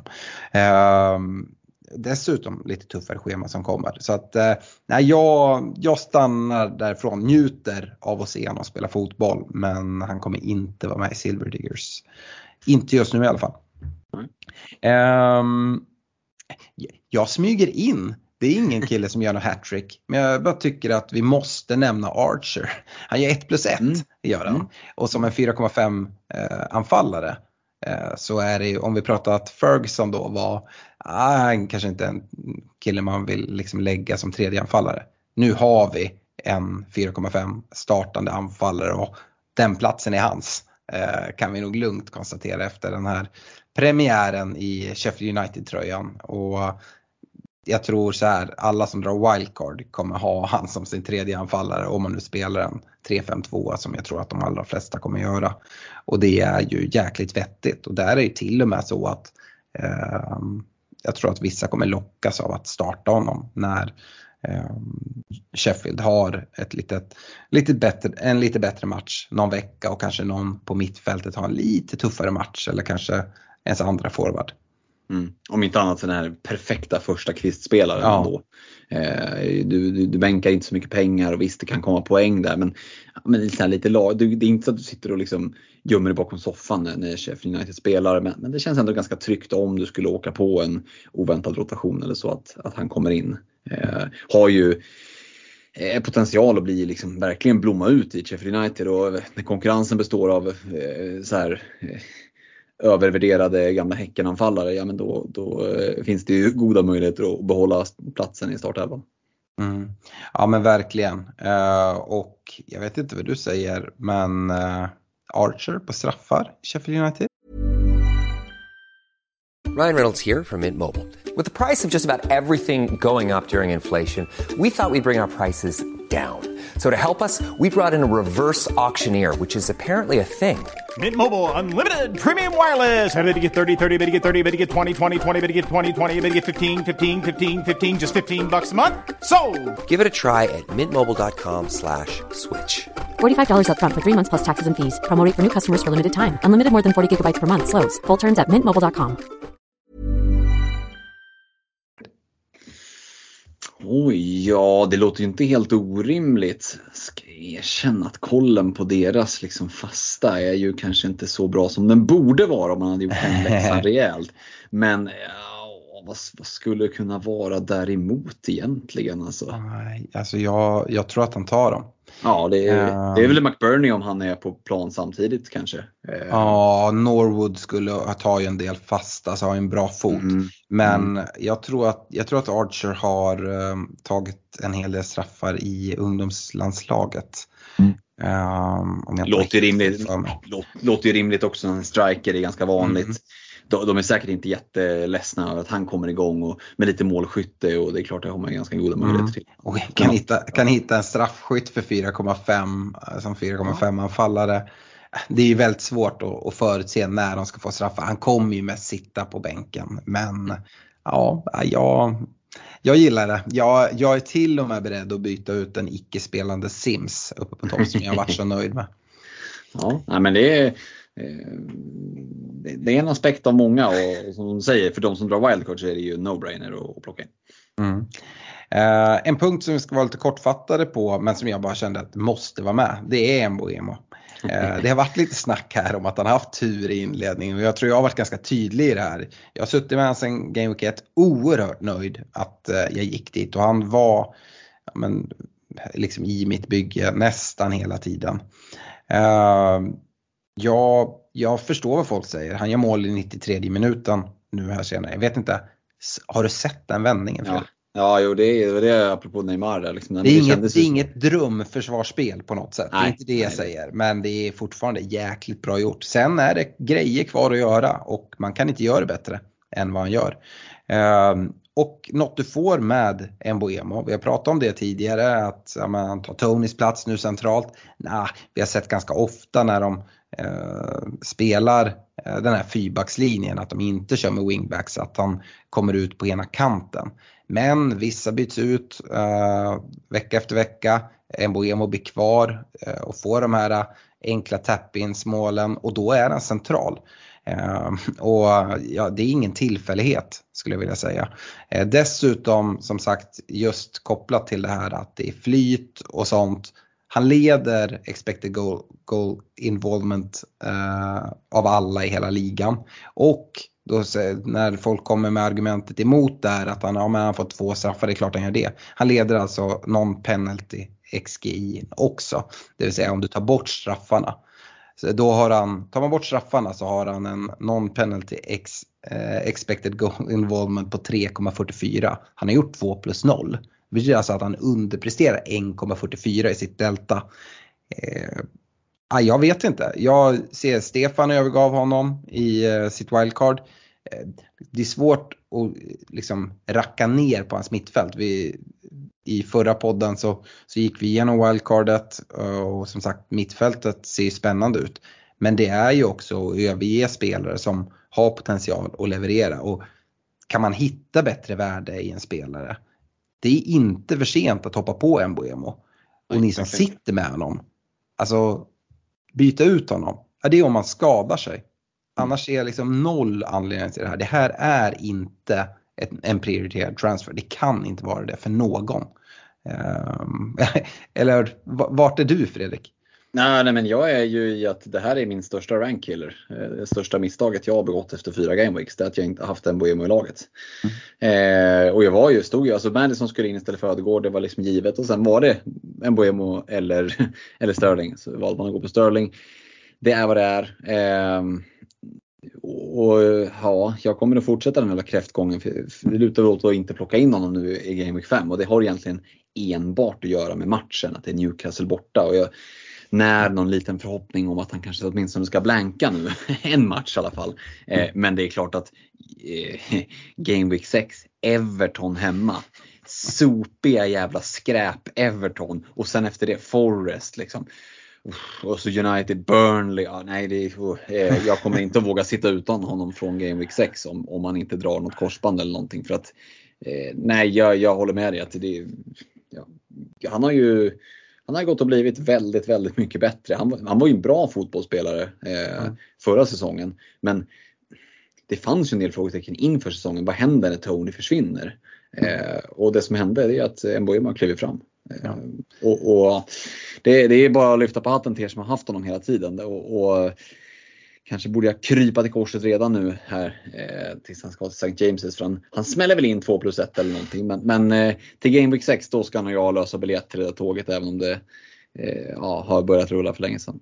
Mm. Jag skulle säga att det är väldigt ovanligt att en spelare som är så lättillgänglig i pris och har fina underliggande straffa, äh, siffror, tar straffar, tar övriga fasta situationer och är en talisman i sin klubb att inte fler byter in han efter de här fyra gameweeksen och fortsatt bra schema. Han ägs alltså av 26,8 procent. Mm. Uh, och det är ganska lite ändå skulle jag säga sett till vad som hänt. Och anledningen är ju såklart att det finns så många andra bra mittfältare.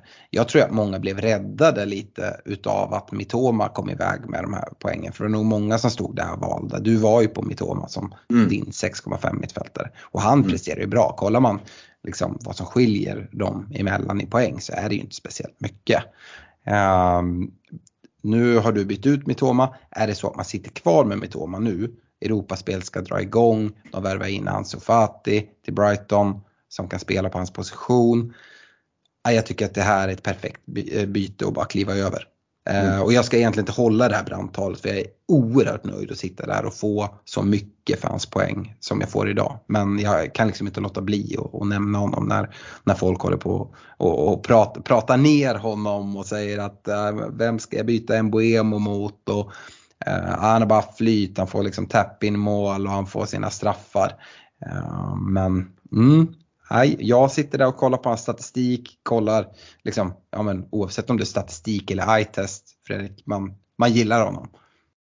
Eh, jag förstår att man gillar honom om man har honom i bygget och man är livrädd att titta in på på Forza-appen som jag kör istället för Livescore eh, varje gång det, det, blinkar till att, att det har blivit mål för Brentford. Mm. Eh, Bra, jag ska släppa en Boemo där. Uh, han har ju varit i, i Brentford ett tag nu för nu ska vi prata transferfönstret och det hände ju en hel del här liksom på slutet utav transferfönstret. Uh, jag sitter i lite målvaktsbekymmer. Uh, bland annat det som liksom inte var någon direkt hemlighet men Dean Henderson från United till Crystal Palace. vi såg att Johnston Eh, stod mellan stolparna här mot Wolves i Game Week 4. Släppte dock två mål mot Wolves. Eh, det gillar jag inte. Ehm, jag tror fortsatt att eh, liksom Johnston kanske har den där platsen och kommer in, kanske inte göra någon målvaktsbyte till, till Game Week 5. Men det är ju också kopplat till att, att Forrest tar in, tar in Benficas målvakt. Vill du ge dig på att uttala namnet? Jag överlåter det till dig. Ja, Flashodimos, något sånt. Um, jag tror att de var ute och sa det. He will add real competition to our goalkeeping, goalkeeping department. Tror jag var uttalandet från eh, någon chefscout eller någon sportslig direktör där i, i, i Forest. Eh, och det ska han ju såklart göra. Jag tror samma där, att det är inte självklart att eh, Matt Turner nu liksom är, är andra målis. Men det kommer vara liksom, någon dålig insats så där så kan man tappa platsen och det gäller nog båda. Ställer till det lite för mig. Mm. när vi ändå pratar Palace så gjorde de ju även en uh, värvning i holding från Arsenal till Palace. Tror, jag vet inte vad du säger, reserv till Andersen och Guay? Eller ska han in och spela direkt? Ja, men jag tänker att de flesta kanske har gått på Andersen ändå utan att det finns ett lite större offensivt hot där och, och honom ska han ju inte peta. Även om Guea gjort, liksom, gjorde någon landslagsdebut under förra säsongen så, så Andersen kan jag inte se de ledaregenskaperna. De kommer ett ganska i övrigt ganska blekt Crystal Palace att behöva. Eh, ingen jättebred trupp, alltså lite oroad för. Nu brukar ju Roy få ihop det där och det finns som sagt en del räddningsplankor men par skador där, då, då, ser det ganska så, ganska så tunt ut. Mm. Så att nej, eh, jag tror att det är för att in och, och säkra upp. Så att det är nog inget som, som borde störa för den som har gått på till exempel Andersen. Nej, vad tror du om målvakterna där som jag pratade om då, både Dean Henderson och eh, även i Forest där, vem, eh, ja. Ja, alltså jag skulle vara orolig som Johnston-ägare. Där tror jag att Dean Henderson som är prövad i ligan, som visserligen har varit skadad, lite oklar fysisk status på honom, men där tror jag att det, det är bara liksom en, ett målvaktsbyte waiting to happen. Eh, den här Odysseas, om vi håller oss till förnamnet. Ja, det är klart att han stått i Benfica, det är en bra målvakt. Eh, kliver han direkt in för Turner? Ja, Kanske, kanske inte. Där känns det mer 50-50 att det kanske Turner får någon mer match. Eh, men eh, ja, jag hade varit orolig som, eh, som Johnston-ägare helt klart för att Henderson är ju en bättre målvakt. Mm. Uh, ja, vi är redan inne på Forest och Forest mm. being Forest. Uh, Jajamän, absolut. Hängde du med där på deadline day allt som hände eller? Du såg väl i alla fall att uh, Origi... Corner taken quickly. ja, nej men det är klart att Divock Origi ska tillbaka och eh, för 5,0. Ja, nu har vi ju en arch. Nu, åk, nu åker Aoni ut på bänken. Nej men Eh, jag tror det känns, nej. nej, det gör han ju såklart inte.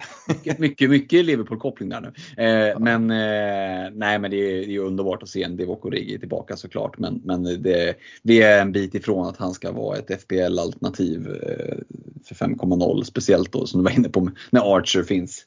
Så, ehm, de, de, de, du sa det ju så bra. Forest being Forest. Och, Ja, jag vet inte, får vi in en spelande 4,0 back i Nuno Tavares eller?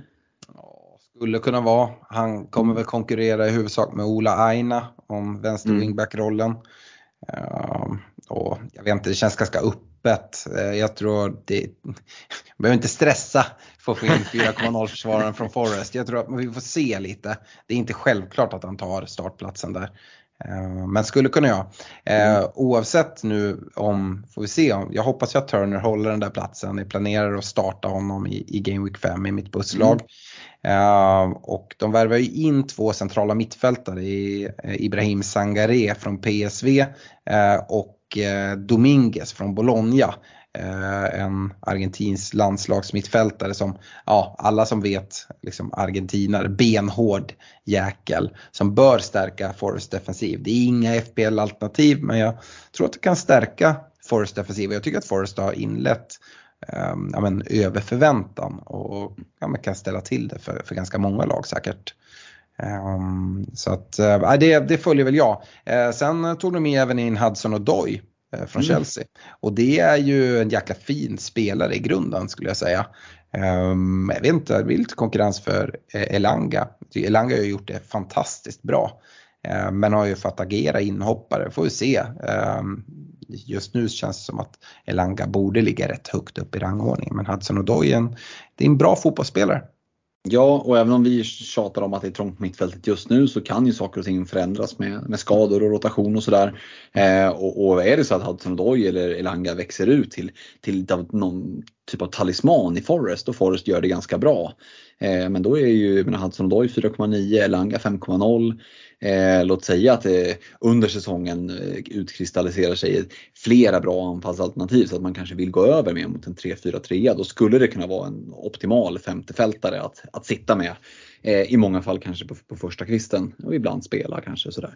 Mm. Så att eh, någonting att, att, hålla lite span på och kanske inte nu här till, till, till Game Week 5 men eh, definitivt någonting att ha med sig när vi, och jag håller med dig, Forrest ser ju, jag har väldigt svårt att se att de ryker i år och ganska bra truppbredd här också. Det, det, har de ju alltid när de är uppe. Men, men eh, det gör ju också att de är lite mer liksom immuna mot, mot skador jämfört som jag var inne på med, med Palace eller något, något av de andra lagen som ser lite tunnare ut.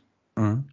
Eh, och kan jag säga det, jag kommer gå in på, på ganska många spelare här så att eh, om man inte är superintresserad av det här så kan man ju spola vidare och komma till, till lyssnarfrågorna. Men vi kommer gå igenom det som hände ganska nära deadline och sen så efter det kommer vi även prata spelarna som kom här i somras och kanske har spelat en del mellan Game Week 1 och 4 och, och prata lite kring dem när vi har lite mer kött på benen. Men eh, vi fortsätter just nu med att gå vidare och när vi ändå är på Forest så, så skeppar de ändå iväg, eller skeppade iväg, de blev av med Brennan Johnson. Eh, priset 5,9. Eh, mm. Går till Spurs, eh, ett Spurs som har inlett eh, offensivt pikt och han värvas för 47 miljoner pund. Dyrare än James Madison då bland annat. no. så ja, jag vet inte vad, vad tanken är. Jag ser inte riktigt honom kliva in och peta riktigt någon. Uh, kan väl spela egentligen på alla roller där fram. Uh, har väl utgått ganska mycket från höger där Kulusevski spelar men jag tycker Kulusevski gör det bra. Uh, jag är orolig för, för kulans speltid. Mm. Jag tror inte att Brian Johnson kommer för för de här pengarna och ska sitta bänk vecka ut vecka in. Och, mm, nej, jag tror att Brennan Johnson kanske är tänkt så och, och, jag tror att han kommer att ha spelat mer än vad Kulusevski har gjort när vi summerar säsongen om båda är mm. hela. Eh, så där skulle jag vara orolig om, jag, om man har klivit in på, på Kulusevski eller hade de tankarna. Mm. Brian Johnson är ju lite svårdefinierad och, och i min värld en, en, spelare som, han är lite hämtad ur någon form av så här, 25 år för sent. I min värld så är det en optimal liksom, eh, second striker nummer 10 i ett 4-4-2. Eh, som länkspelare med, man har stor och liten i anfallet. Eh, Eh, kan se något tillsammans med Michael Owen i slutet av 90-talet i, ett Liverpool till exempel. Men eh, de dagarna är ju förbi och, och, det ska bli spännande att se hur han ska passas in i det här Spurs. För eh, där man såg, liksom, du var inne på en James Madison som kom billigare. Där fanns det en så oerhört tydlig roll för honom att bara kliva in i och bara fortsätta vara sig själv. Eh, den är lite mer otydlig för Johnson men det finns ju potential. Vi såg att han, han har ju lite målnäsa, det, det, det såg vi i Forest. Så att, eh, jag är inte helt främmande för att man kommer att testa honom i en nummer 9-roll också i vissa matcher. Vi är inne på det där i lite tuffare mm. motstånd. Han är ju mer av en targetspelare än vad till exempel Son är eh, och kan låsa fast bollen på ett annat sätt. Så att, eh, Mm, mm. Eh, lite wait and see såklart. Eh, men det är att han står som mittfältare. Han har nästan varit bättre att han hade stått som anfallare. Verkligen. Apropå mittfältare så är det ju kanske de två två av de mest spännande värvningarna eh, på mittfältet och eh, FBL högkvarteret gjorde det enkelt för sig. Vi prisar dem 6,5 som vi har gjort med många andra. Eh, jag pratar om Ansu Fati från Barca till Brighton och mm. Kudos från Ajax till West Ham. Båda prisade 6,5. Många av de här som kom in här precis i slutet har inte fått prisen men just de här har fått det. Um, Fati, ja, eh, det är ju en jäkla spännande spelare och jag tror att hade man sagt till någon Brighton-supporter att de skulle värva honom eh, Fast man skulle ha sagt det här för, för något år sedan så hade det låtit helt uppåt väggarna. Eh, har ju spelat mest ute på vänsterkanten där annars Mitoma har liksom hållit sin plats i, eh, i Brighton.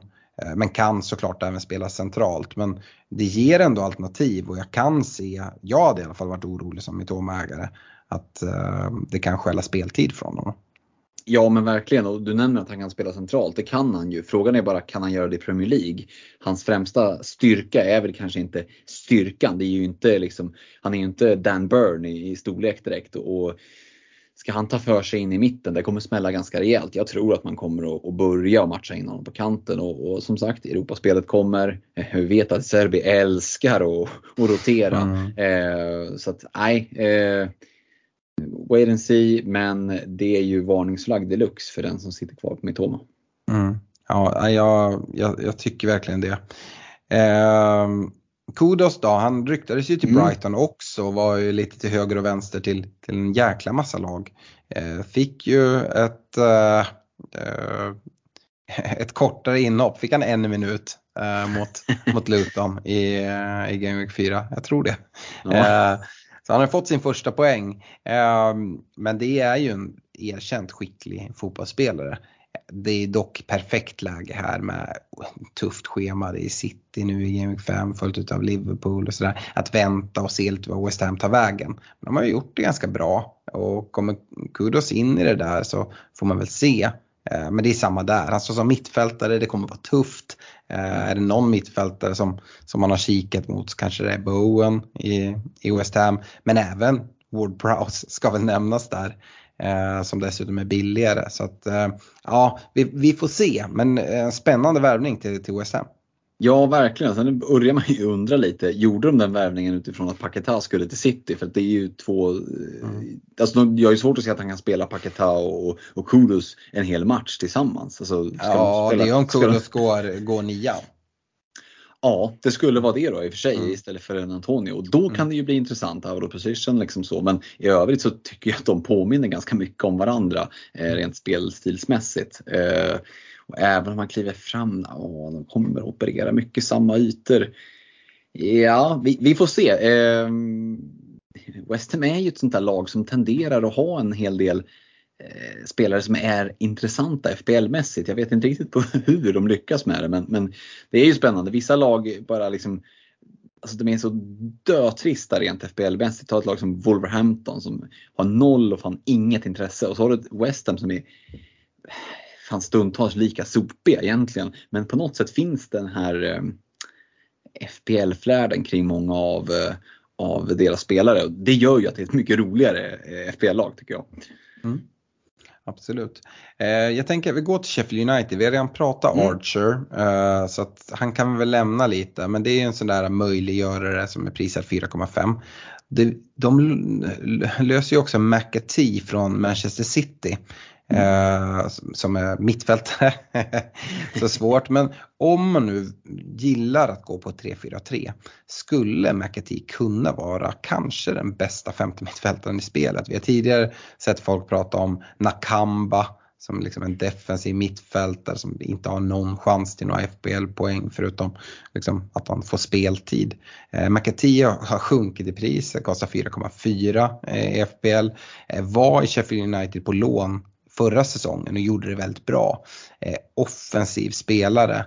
Eh, är det så att man växlar över till 3-4-3 till exempel? Ja, McAtee, Sheffield United. Jag skulle säga att det kanske kan vara den mest intressanta femte mittfältaren då. Mm. Skulle mycket väl kunna bli i alla fall. Någon, någon att hålla mm. span på helt klart. Mm. Eh, annars då en övergång som förvånar mig oerhört mycket. Cole Palmer eh, från Manchester City till Chelsea för 40 miljoner pund. Eh, prisad 4,9 för att han spelar i City såklart och där man liksom knappt skulle kunna se han få speltid. Å andra sidan så eh, såg det ut som att han skulle få en del speltid av, av Pep i år mm. och därför blev jag förvånad att han släpptes. Men det är väl pengarna som, som lockar och kan spela ytter, kan spela tia eh, och ja, alltså ja, jag har det inte som omöjligt att Cole Palmer kommer, kommer starta, eh, starta en hel del matcher i Chelsea och i alla fall få en hel del inhopp. Chelsea behövde ju verkligen en offensiv mittfältare. Nej, skämt åsido. Eh, det, det, är ju helt oförklarligt för man kan lägga de här pengarna liksom på. Men det är väl för att en Kunko gick sönder då och ja. man fick lite panik. Det måste väl ha med det att göra. Men jag delar uppfattningen att det var förvånande att att Pep och kompani släppte honom, då kan man ju inte ha trott på honom så mycket som vi trodde att de trodde på honom. Ehm, men eh, ja, eh, som sagt han har ju lite att konkurrera med på det där offensiva mittfältet och, och det gör ju också att det blir ett jävla getingbo Ja. rent FPL-mässigt. Eh, så att eh, vi, vi, vi tar väl ett par gameweeks till och ser vem det är som, ja, jag sitter ju redan med Sterling liksom, men eh, ja, jag, han kan ju bli en kanon och som sagt 4,9 det gör ju att det är liksom en pant som det inte, det kostar ju inte så mycket att, att gå på. Det det kostar det är att du, tar upp en mittfältsplats. Mm. Jag tänker att han, han skulle kunna ta en, en roll ut till vänster. Sterling kommer han ju inte peta. Eh, man Men han skulle kunna ta en roll ut till vänster eh, Där vi har sett Chilwell spela faktiskt en del. Och Chilwell får gå ner i banan lite. Han kommer fortsätta vara offensiv. Så jag tycker inte det finns skäl att vara superorolig. Han skulle också kunna spela 10. De har väl spelat eh, Gallagher där eh, mycket nu. Mm. Men där skulle Cole Palmer också kunna ta speltid. Um, um, till ditt kära Liverpool då, ni gjorde klart med Gravenbergs eh, från Bayern München. Eh, Och eh, kan vi spela både åtta och sexa, men jag tror, gissar att det är mest 6 han är tänkt i, i detta Liverpool. Ingen F, inget FBL-alternativ skulle jag säga. Han, eh, inte en enda return i Bayern på 30 matcher och då är det ändå ett liksom, eh, Bayern som är rätt överlägsna i, i eh, Bundesliga. Mm. Nej men vi, vi sålde Gini Wijnaldum för ett par år sedan och nu har vi värvat hans ersättare. Det tog, det tog bara lite tid. Mm. Han, Gravenbergs har ju lite som Matip, de ser liksom inte riktigt ut som fotbollsspelare, de ser mer ut som NBA-lirare på något vis. Förstår du vad jag menar? De, Ja, de, har, de, har, de har en annan aura på något vis. Där. Eh, men det är för att de är så långa kanske. Eh, jätteintressant värvning såklart för Liverpool som lag, men som du säger, det, rent FPL-mässigt, hur kan det påverka? Ja, det, det skulle kunna påverka att, eh, att eh, McAllister får kliva framåt i banan eh, när Gravenbergs är på plan. Det är, det är inte helt givet, men det ska bli intressant att se. Eller det vore intressant att se en startelva med Gravenbergs, McAllister, Soboslaj. Hur de väljer att eh, formera det, eller Klopp väljer att formera det mittfältet. Eh, kan bero lite på motstånd tänker jag nog beroende på hur, hur, liksom långt upp i banan spelfördelningen ska ske och hur mycket motor fram och tillbaka som krävs. Så att, nej, eh, som enskild FPL-spelare, nej, men eh, kan ju få påverkan på lite andra Liverpool-spelare som rent potentiellt skulle kunna vara lite mer FPL-intressanta. Mm. Motsvarande värvning i mitt kära United är väl Amrabat som kommer Mm. från Fiorentina till United till slut. Det var väl många som var där och hugg men han var rätt tydlig med att han ville till United och United var så här, ja vi får väl se. De skulle lösa massa grejer kopplat till FFP och, och sånt där eh, kändes det som. Men till slut så, så kom han in, inte ett FPL-alternativ överhuvudtaget. Eh, tror att han ja, men det är en bra ersättare till Casemiro när han är avstängd. Eh, eller, eh, eller behöver roteras och i vissa matcher kan de säkert spela tillsammans också. Får vi se hur de hittar balanset där med. Men jag tror tanken fortsatt är att Mount ska spelas in i den platsen när, när han är tillbaka från skada. Eh, vi lånar även in Reguljon eh, från Spurs, prisad 4,4. Eh, och det är ju en ren så här, paniklösning från på Shaws skada som måste vara rätt allvarlig och kommer missa en hel del. Eh, men för mig inget FPL-alternativ. Eh, vi, får vänta och se. Nu, jag trodde ju att ehm, eh, Saka skulle göra fullständigt kaos med Dalot. Men Dalot var kanske vår bästa spelare just den matchen. Trots att han spelar på ja, men fel kant för sig eh, och sådär. Eh, så ja, vi, vi får se. Just nu tror jag att eh, Dalot kommer få fortsätta spela där tills vidare så får vi se. det. Reguljon har haft jättemycket problem med skador. Eh, så att det får se hur många minuter han gör i United till slut. Um, Går vi till andra sidan av Manchester så uh, värvar City in Matteus Nunez från Wolves. Och som sagt, de här priserna, jag vet inte. 53 miljoner pund uh, kommer han för. Prisad 5,0 och är inget FBL-alternativ här heller. Det han gör är ju att uh, han ska väl spela. Inte varje match såklart, men han ska in i den här rouletten. Uh, kan ju spela på Eh, centralt mittfält där. Eh, och det beror ju på hur Pep vill balansera det, men skulle kunna stjäla speltid från en eh, Alvarez eller en Foden när de spelar centralt. På något sätt om man vill ha en annan gubbe där. Det är ju en spelare som, som Pep uppenbarligen värderar högt. Så ja, mer så att han kan ställa till det. Vi kan väl även nämna Doku som Eh, fick eh, en, en start här i Game Week 4. Startade ute till höger men bytte tidigt över till vänsterkanten. Och, ja, det är väl den spelare som vi, vi trodde skulle komma som, som vi fick se eh, skulle jag säga. Mm, inga jättehöga priser, dock 6,5. Nunez prisad då utifrån sin tidigare klubb med 5,0 och det är klart att skulle det lite längre fram i säsongen, men komma en del skador och, och han ja, men, tar lite så här Gündogan-rollen, liksom fyller på och får spela mycket. Återigen 3-4-3 med en 5,0 Mattias Nunez. Ja men det skulle kunna vara en pant att gå på. Mm. Såklart inte nu men vi, vi håller lite span för att eh, Eh, ja, som sagt man har ju skeppat en del spelare så många finns det inte att liksom fylla på i, i Gündogan-rollen. Eh, och det är väl någonstans där han är tänkt, eh, mm. så som jag ser det. Och sen kan man ju ha åsikter själv om att man skickar Cole Palmer och, och tar in Matteus Nunez men är, Pep kan ju mer om fotboll än vad jag kan så han har säkert en bra tanke med det. Mm.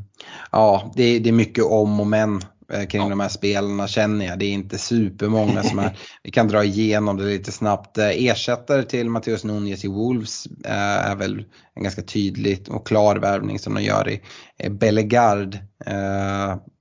Inte prisat än vad jag har sett och jag har för dålig koll på honom så att jag har Uh, har egentligen inte uh, någon tanke där. Uh, de tar även in Tommy Doyle från City, även han prisad 4,4 på mitten. Han var också på lån till Sheffield United förra säsongen och mm. tog en del fasta där. Men är betydligt mer defensiv än vad McAtee är som gick till just Sheffield United. Eh, och så jag håller McAtee mer eh, spännande som ett, eh, som ett alternativ om man nu går på en billig femte mittfältare. en Kastani går till Fulham från, från Leicester, en spelare som vi tidigare haft FBL-intresse i när han spelade i, i Leicester. Jag vet att Stefan gillar honom väldigt mycket med sin offensiv. Eh, så får vi se eh, vad som händer i Fulham, men det är något som är värt att följa tycker jag. Jag har inte sett något pris där heller. Jag tror inte de stressar så mycket nu under landslagsuppehållet att komma ut med priser, men de kommer att vara prisade såklart innan Game Week 5 drar igång. Fulham värvar även in Ivobi från, från Everton. Ingen som, som lockar mig i alla fall. Nej, det, det, kan man inte säga. Det, vi är ju verkligen och skrapar nu och mm. du kommer att nämna namn här. Det finns egentligen en spelare till som jag väntar på att du ska nämna men i övrigt så, så är vi ju verkligen på, på andra sorteringshyllan. Det är ju lite skalat gods faktiskt, eh, känslan. Mm, är det Sinisterra du väntar ja, på? Ja, det är han du sitter och väntar på. Ja, går till Bournemouth från, från Leeds. Gjorde fem mål på 13 Premier League-starter förra året och alltså, bra spelare. Fick det lite förstört med skador eh, och problematik. Fick väl några inhopp också. Eh, och sådär. Det blir spännande att se vad, vad han kan göra i, i Bournemouth men det är ju också en sån spelare som man inte helt plötsligt liksom säljer eh, Saka för att liksom plocka in på, på mittfältet det första man gör nu. Nej, och lite svår prisklass där 5,5 också när vi har varit inne mm. på att det finns lite möjliggörare 4,5 och, och till och med under det. 5,5 är svår prisklass att ha femtefältaren på, eh, tycker jag. Det är som sagt där om man ska in i det här och plocka in Sala och Haaland eh, mm. som mycket väl kan bli intressant eh, här längre fram. Och då kommer man behöva leta och kanske ha någon billigare. Men vi har så mycket värde i 6,5 mittfältarna. Ja. Eh, så det är väl det emot. Eh, vi har Beto, eh, anfallare som går till, till Everton. Detta ja, Everton som jag vet inte vad jag ska säga om. Men han gjorde mål direkt i ligacupen i veckan i alla fall. Stor och snabb, kanske inte världens finaste fötter direkt av det, det jag har sett. Eh, men uh, har faktiskt gjort en, en del mål de här två senaste säsongerna i Udinese. Så vi får se vad det blir. Jag springer inte dit om jag säger så. Saniolo till Villa, vi har Mopay som, som går från Everton till sin gamla klubb Brentford, 4,9. Mm. Det är väl en tydlig backup till vissa det som skulle kunna hända är väl att Mopay byts in istället för vissa och att eh, då Mboemo blir kvar ute på kanten, det vi pratade om kring Mboemo. Det är inte så att jag tycker att det drar ner Mboemos, eh, liksom, eh, Eh, hur attraktiv han är, men det kan man väl ändå liksom, ha med sig på något sätt. Um, två sista då, Lokonga går från Arsenal till Luton. Eh, se om han kan stärka upp den defensiven. Han lär få göra där. Eh, och sen så är det en spelare, jag vet inte om du har hört talas om honom, men Mike Tressor går från Genk till Burnley. Det är en ytter och Burnley har massa yttrar. Men det som jag tyckte var intressant här var att i, i Belgien så gjorde han 24 ass på 39 ligamatcher förra säsongen vilket var nytt liga, ligarekord. Så jag vet inte om det är något som, som company har hittat där som man verkligen, verkligen vill ha. Uh, får, väl, får man väl följa ändå. Ja, som sagt det är ju ett nytt Burnley. Det är ju inte mm. liksom Brunka-gänget som parkerar bussen utan de försöker ju spela vilket gör att deras försvar, ja, alltså nu sitter jag på Bayer men, men, men i övrigt så är det ju helt ointressant eh, att starta med så. Men eh, vi får se om det kan utkristallisera sig någon, någon typ av offensiv tillgång som skulle kunna vara intressant. Men ja, det, det, mm. de har en del att bevisa innan de ja.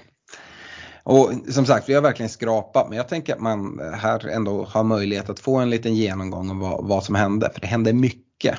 Eh, kanske mer FBL-intresse när vi går över till nästa segment då vi då ska prata transfers som har kommit in under sommaren och där vi kanske har fått lite mer information. Och, eh, Fredrik, varför inte börja i ditt kära Liverpool? Mm. Eh, det är väl framförallt Soboslaj, McAllister, Endo som mm. jag tänker på har kommit in där. Där jag är oerhört imponerad utav Soboslaj. Vilket, vilket fint mål han gör här i helgen. Ja men killen är inte bara eh, lika snygg som Alison Becker. Han är ju en eh, helt underbar fotbollsspelare att ha i sitt lag. Det är en sån som bara kliver in och är totalt älskad eh, på alla sätt. Eh, av en liksom unisont enad eh, supporterskara. Eh, och ja, vi vet ju att han har ett bra skott. Kan han börja leverera lite här nu? Ja, men skulle kunna smyga upp som ett FPL-alternativ. Inte riktigt där än känner jag. Eh, jag håller fortfarande Luis Diaz högre och Salah är på en annan nivå såklart. Men eh, eh vi ser att McAllister eh, hamnar väldigt långt ner i banan. Det tror jag att han kommer göra till och från. Eh, och det gör att där känns intresset svagt. Eh, där har de ju faktiskt lyckats med prissättningen för en skull. Eh, att de höll ner honom på 6,0. Eh, Soboslaj är ju mycket mer offensiv och framåt i banan. Så att eh, 7,0 det är liksom ingen blodig prislapp. Eh, fortsätter han och verkligen ja, men, eh, fylla på som han har gjort och Liverpool får det att flyga framåt. Då, eh, ja, men jag utesluter inte att en Soboslaj skulle kunna sitta i det Anfielders någon gång under säsongen. Nej. Uh, utesluter en McAllister? Eh, utesluta, men det känns, väldigt, göra. Ja, det känns väldigt avlägset just nu mm. så kan man säga. Mm. Jag vet inte ja. vad du känner kring dem? Eh, liksom. Nej, jag, jag är mest imponerad av Soboslaj av det jag sett hittills. Jag tror, men som sagt, jag tror att både McAllister och det är kanonvärvningar som kommer göra stor nytta för er. Um, men som FBL-alternativ känns Soboslaj närmast just nu. Men det där kan ändras fort också. Jag kan absolut se att McAllister kan bli ett jättefint FBL-alternativ. Lite beroende på hur, eh, hur Klopp väljer att formera er och lite hur McAllister kommer se ut. Eh, låt alla bränna någon straff till. Är det McAllister som tar den då? Eh, Soboslaj kan också ta den såklart. Men jag menar, det finns saker som kan, liksom, jag har varit inne på det tidigare, att liksom FBL-narrativet kan ändras oerhört fort. Eh, och det kan jag absolut se kring en spelare som McAllister. Ändå däremot, där har jag oerhört svårt att se jag kommer landa. ja, eh, men det är ju det är viktiga spelare eh, och kan han komma in, gör det bra eh, så kan ju liksom andra FBL-alternativ i Liverpool växa. Eh, blir det så att Liverpool blir det här liksom mer svårforcerade laget som ni en gång var eh, så då helt plötsligt till exempel en spelare som Trent som för mig just nu är helt otänkbar. Ehm, det måste börja komma nollor i löpande takt för att liksom de pengarna ska vara värt det. Ehm, men det vet vi att det finns eh, möjlighet att göra och ni höll en noll nu senast så att eh, ja, vi, får se vad det, vad det hamnar i. Mm. Går vi till mitt United, eh, så Mount är svårt att, säga så mycket om eh, har inte gjort det bra de matcherna han spelat, skadad nu. Eh, Onana däremot, eh, en målvakt som jag tycker vi har sett ganska tydligt vad det är man har fått och det är ganska som förväntat tycker jag. Eh, väldigt duktig med fötterna. Vi såg ett Arsenal som eh, helt struntade i att sätta press på honom. Bara för att de visste att det inte är någon idé eh, om vi går till den matchen.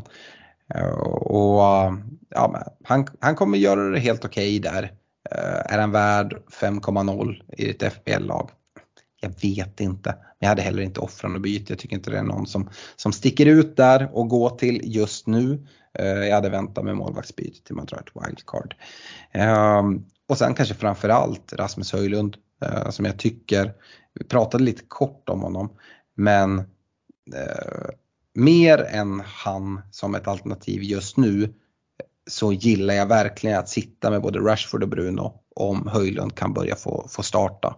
Jag tror att han kommer skapa oerhört mycket ut, utrymme för, för både Rashford och eh, Bruno Fernandes. Och är det så att Höjlund kommer igång och visar sig sätta dit chanser så tror jag också att Bruno kanske kan få leverera på, på sina stats på ett annat sätt än vad han gjorde eh, tidigare säsong. Utan då spelar han fram gubbar eh, liksom på löpande band men det var ingen som kunde få in bollen.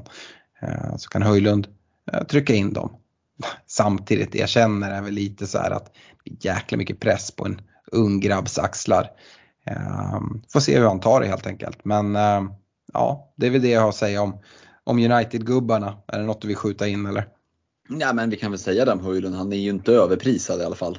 7,0 ganska modest prissatt så att det, det, är ju för den som väljer att kliva dit om han gör den där platsen till sin och faktiskt börjar få lite returns så är det ju en eh, ja, men det är ganska lätt gubbe att gå till. Så det, det gör det också lite mer tacksamt att faktiskt bara kunna wait and see.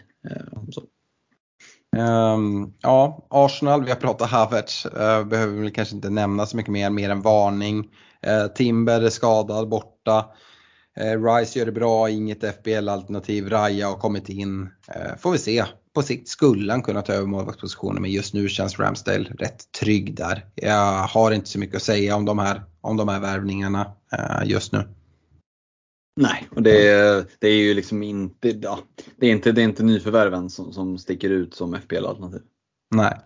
Eh, City då, eh, värvar Guardiol, Kovacic eh, och det är ju Guardiol som jag tycker att det finns FPL-intresse i om man vill in i Citys defensiv där. Eh, och det är ju som sagt det är lättare att hitta plats för en försvarare dessutom i ett City som, som har ett oerhört, oerhört bra defensiv. Eh, ja, det är fortfarande lite för lite data på fyra game weeks att eh, försöka hitta hur Pep helst vill ställa upp den där backlinjen och ja, men Guardiol är ju, han har vi ju haft och pratat om tidigare så han är ju ändå ganska nära ett eh, och kliva in i, i ens FBL-bygge skulle jag säga.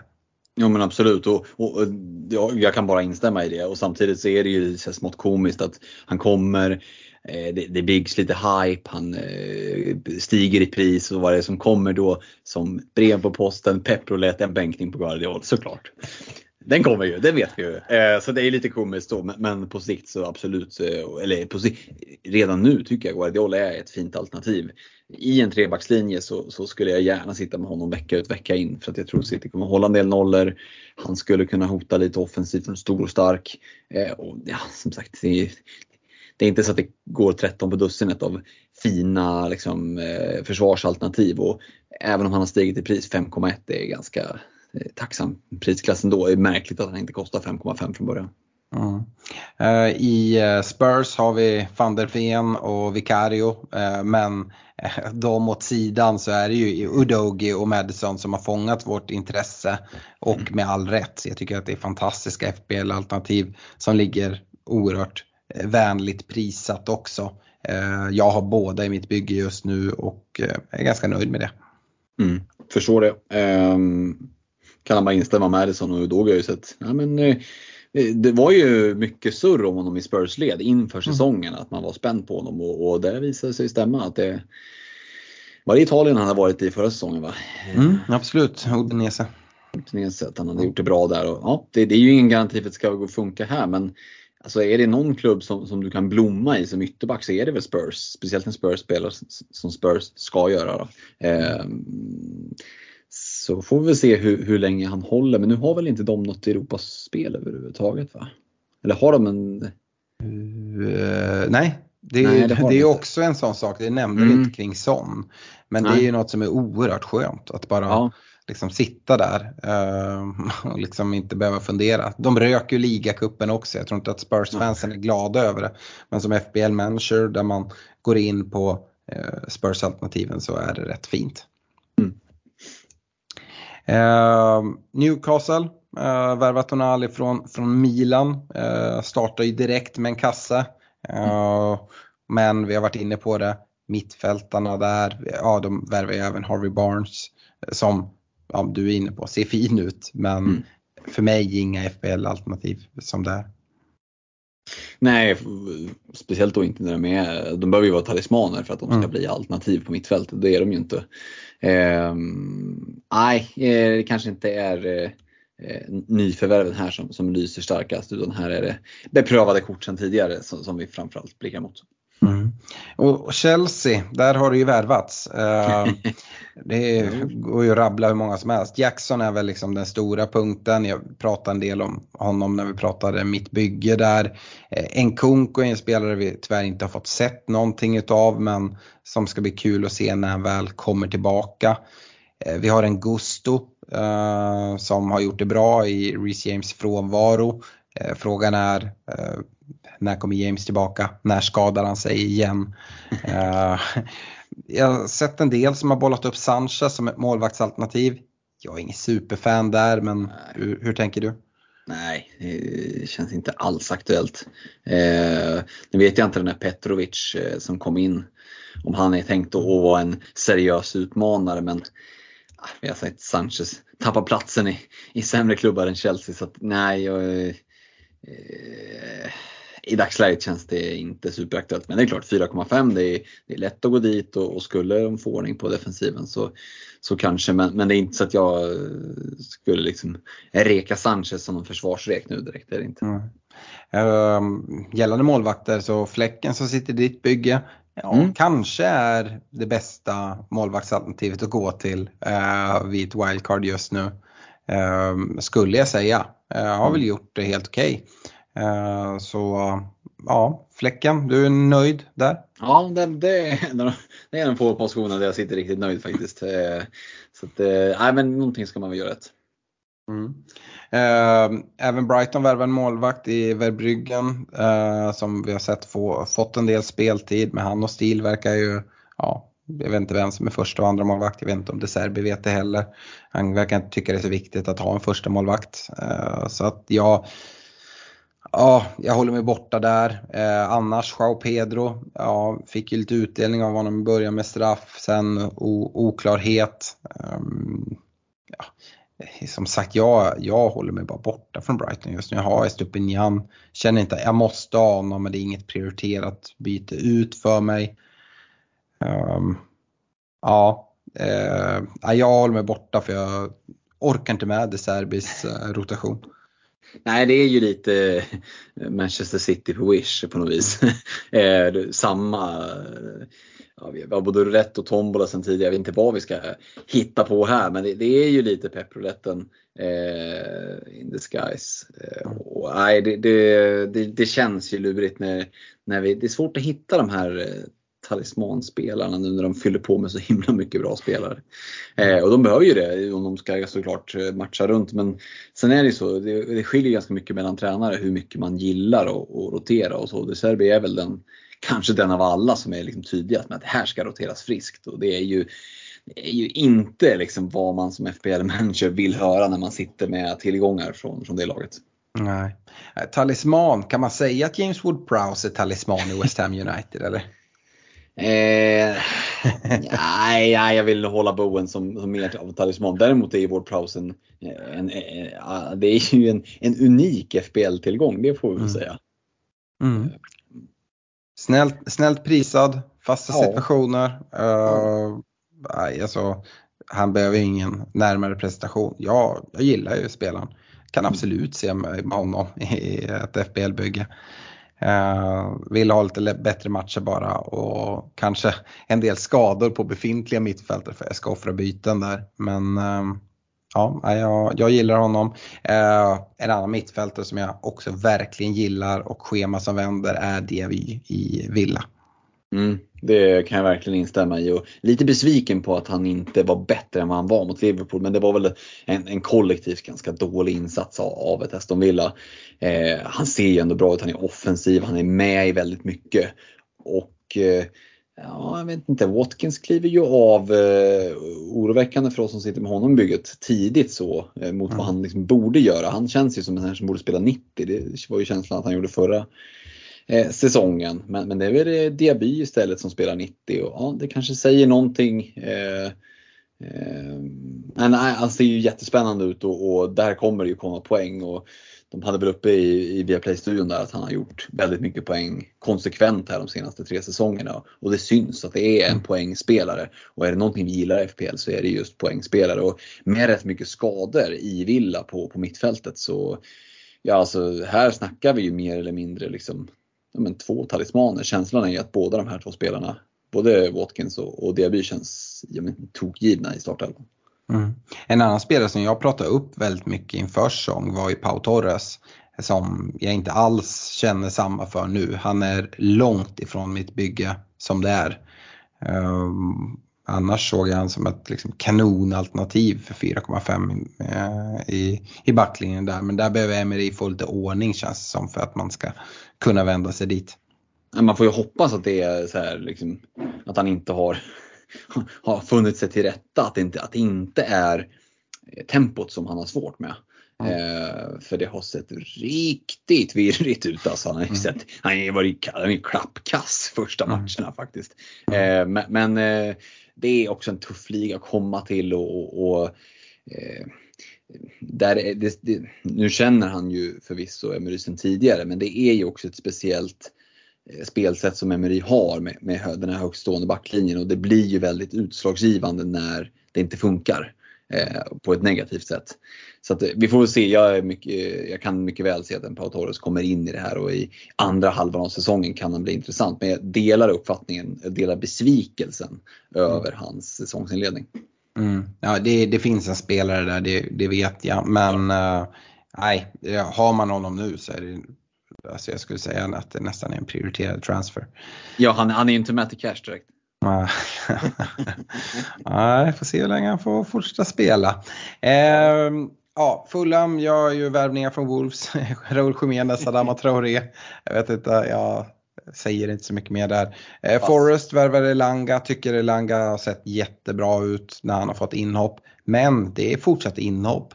Uh, vänta på den där starten. Jag uh, tycker att han har presterat bra och uh, spelat bra tillsammans, tillsammans med Aoni. Uh, så ja, vi, vi, får se vad som händer där. Elanga målskytt också nu senast mot Chelsea ska väl nämnas. och Matt Turner i mål, Eh, som, dit många har gått. Han eh, får väl konkurrens utav Ariola nu eh, i i vissa wildcard när man ska välja en 4,0 målvakt. Men det finns ju de som, som dubblar upp 4,0 målvakterna. Eh, det går att göra. Eh, så, vi är långa Fredrik. Jag trodde att vi skulle bli ganska korta idag. Men vi har också en drös med lyssnarfrågor. Vi kanske ska försöka riva av några. Ja men det är klart vi ska göra det. Trots ett landslagsuppehåll så är det ju oerhört roligt att ni är med oss och interagerar och ställer frågor. Vi, vi har ju Eh, det, det svischar ju förbi en hel del frågor i våra Messenger-trådar såklart. Eh, men, men, eh, ja, men roligt att, att ni är med oss och, och är eh, intresserade även fast vi, vi går mot ett landslagsuppehåll. Så att, eh, shoot med lite frågor tycker jag. Ja, Magnus Rengman, han har 1,2 mm. på banken. Undrar om man ska göra Joao Pedro till Alvarez nu medan man har råd eller spara bytet för att ta två till nästa runda ifall det blir price drop. Men framförallt så är det väl ganska vettigt att ha lite is i magen va? Ja, det, det, det känns ju som det. Jag gillar ju bytet. Ja, det gör jag med. Men det riskerar ju också när du nämner det att liksom ett första landslagsuppehåll nu och det är massa kvalmatcher som ska spelas och det är stökigt och det är Eh, det är ju liksom en försäsong som har varit. Nu har vi kommit igång med ligan. Eh, belastningen på, på leder och, och, anklar och knän börjar intensifieras. ska man flyga iväg och så ska man... Mm, det, det, är ingen tillfällighet att det brukar komma en del skador i de här första landslagsuppehållen. Så att, eh, även om man sitter och känner att ja, jag är precis på det. Ja, men det är ju inte så att liksom, alltså Alvarez, det är ett bra byte. Det låter ju liksom helt sunt. Men det är inte så att liksom livet går under om det blir eh, på grund av prisökningar eller pris, alltså att Pedro sjunker i pris.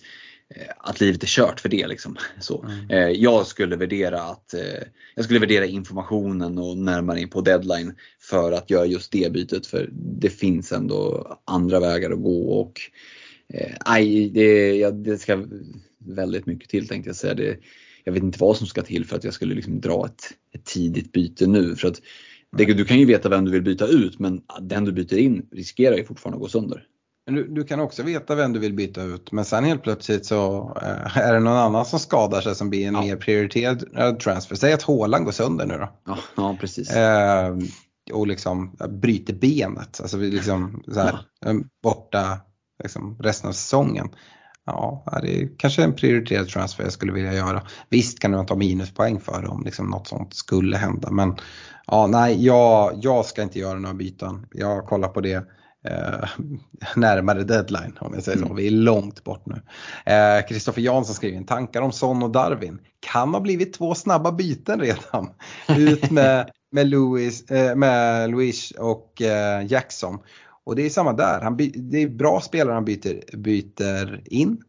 Men det är också bra spelare han byter ut. Eh, Luis Diaz, jag antar att det är Luis Diaz han menar. Eh, som han skulle byter- vara annars? Var Douglas, Douglas Luiz? Luiz, men då fattar jag inte hur han får ihop ekonomin riktigt. Son och Darwin in, tar ut Jackson och eh, Luiz. Eh, ja, nej. Eh, och då tycker jag att det är ganska sidled på det. Mm. Det kan falla jätteväl ut men det är en jäkla chansning att göra de bytena tidigt. Eh, Jens Tors är också inne på det, det är värt att lämna Sala mot Son eller Madison. Eh, och gå för Evan Ferguson på topp, ha Pedro som andra anfallare. Jag hade inte vågat gå till Evan Ferguson eh, som det är. Eh, och att lämna Salah, ja det kan man väl göra. Jag vet väl inte om jag liksom älskar den tajmingen heller helt. Eh, och jag tror många snart kommer börja blicka mot Salah. Och det är en spelare som har gjort return i varje game week hittills. Mm. Eh, och då, ja. nej. Jag hade, jag hade inte gjort det. Eh, min känsla. Nej men han har ju puttrat på. 5, Mm. 5, 5, 8 och då har han liksom inte varit jättebra Salah. Nej. Så det, det är ju double digits waiting to happen. Eh, Mm. Kan det ske mot Wolves borta även om det är tidiga matchen? Ja, absolut. Det Mm. är, och och Liverpools schema ser ju bättre ut här nu så att eh, kliva från Salah nu, då vet jag inte riktigt hur man har tänkt. Hade man tänkt att ta in honom för de tuffa matcherna och sen plocka ut honom, det blir jättekonstigt. Um, blickar ju mer mot att och, och, och börja liksom ta in Salah snarare än att ta ut honom. Mm. Eh, Fritiof Thalin han konstaterar då att Höjlund kom in och visade på en kort stund att han är bättre än Martial och därigenom lär vara första val på topp. Är det värt att vara tidig på bollen nu när United går in i ett fördelaktigt spelschema?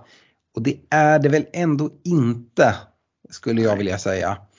Ehm, det är fortsatt sådär ehm, att, jag, att jag vill se lite mer.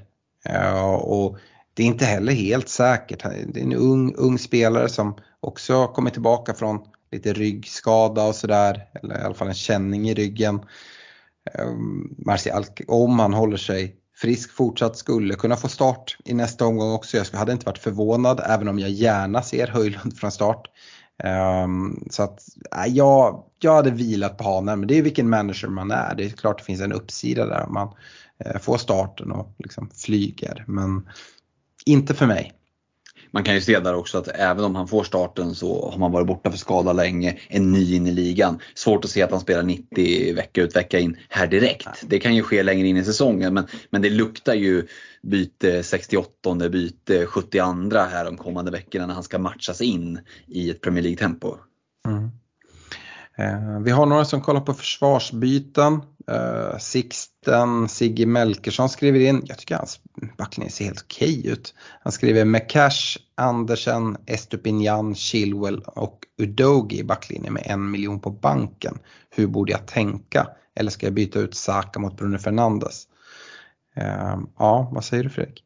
Du borde tänka som att eh, göra bytet till någon annan lagdel än försvaret. För att som du sa, det lät som ett okej försvar och då hade jag valt att prioritera mittfält och eh, anfall för att uppgradera. Mm. Och alternativet han kommer att byta ut Saka mot Bruno Fernandes. Ja, jag vet inte. Det där är en sån här Ja, det hade varit ett väldigt icke prioriterat byte för mig. Om, mm. Det är om du inte har några andra problem och sitter med två fria hade jag gjort det. Annars hade jag nog bara sparat bytet om det är så att du, mm. liksom, om det är det största problemet du har och har bara ett fritt byte. Mm. Eh, det är nog så jag hade resonerat i alla fall.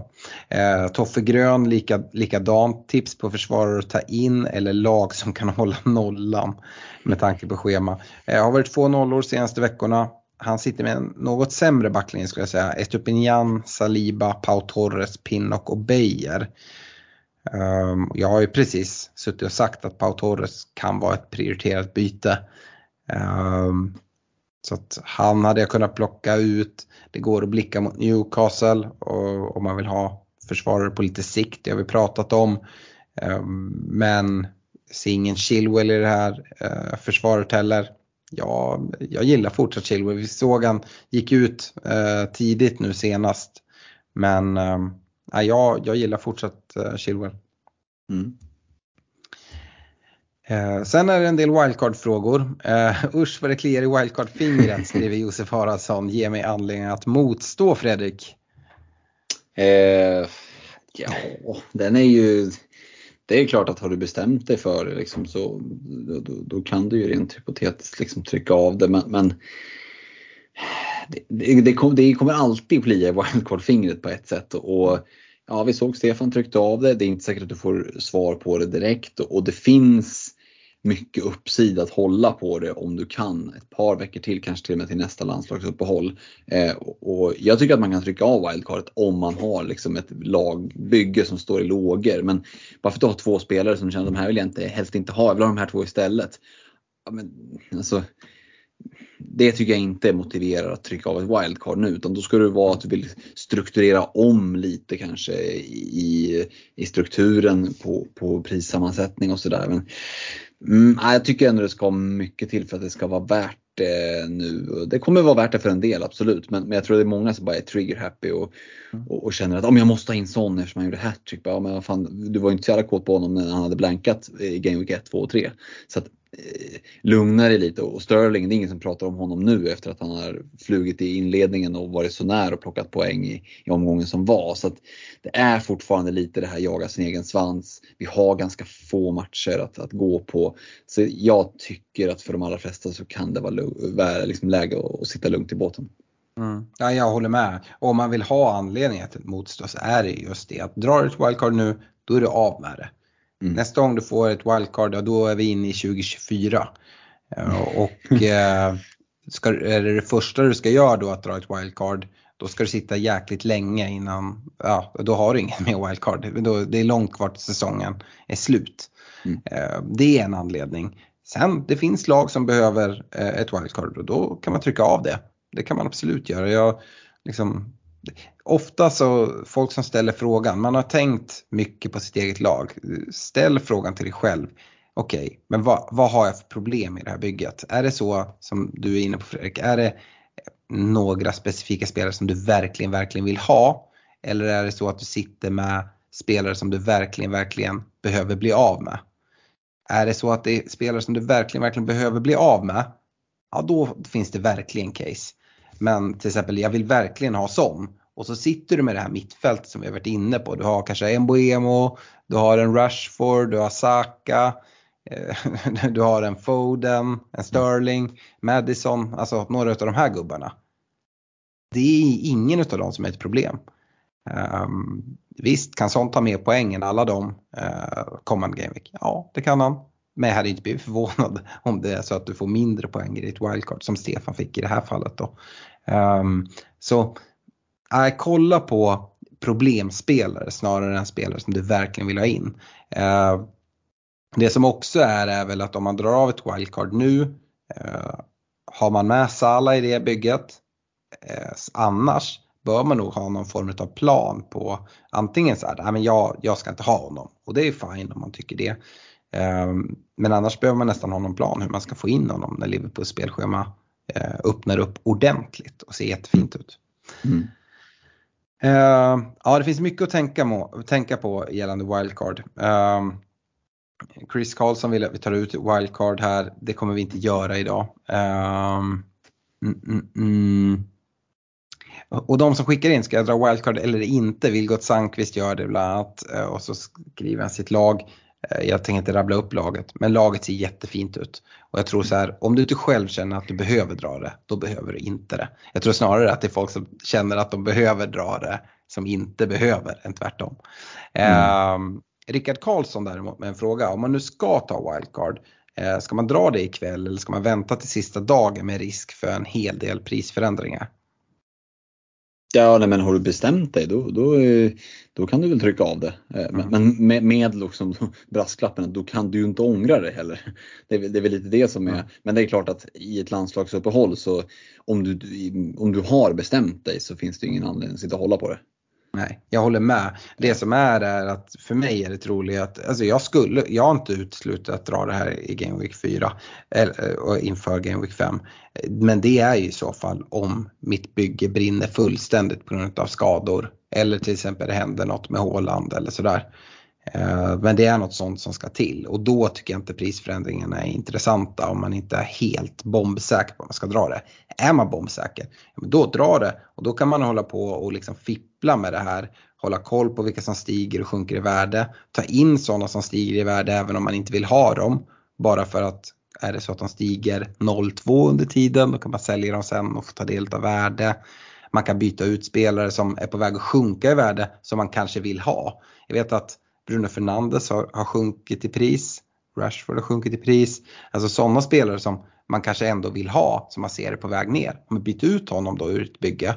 Sen när han har sjunkit i, pris då kan du ta in honom i ett wildcard. Du får ju göra hur mycket byten som helst fram tills dess.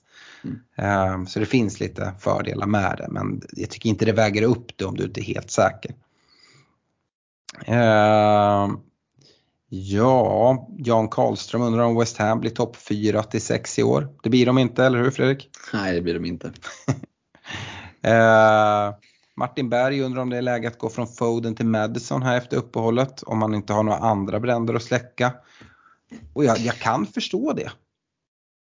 Mm. Kopplat till att Champions League drar igång och, och eh, Spurs inte har något. Men mm. eh, Samtidigt så har Foden en enorm uppsida om man fortsätter få speltid. Mm, det är ju ett modigt, alltså att byta in Madison låter ju klokt men mm. det är ballsy att byta ut Foden. Men eh, hög uppsida och det är liksom höga toppar, djupa dalar. Det är väl Foden i ett nötskal. Mm. Simon Haglind då, hur tänker ni kring Sterling efter Chelseas senaste match?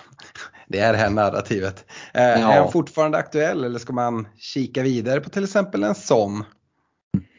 Ja men blir det lite att jaga mycket, eh, liksom sin egen svans. Born borta är ju en match som kan passa Sterling och sen så är det Villa hemma, Fulham borta, Burnley borta.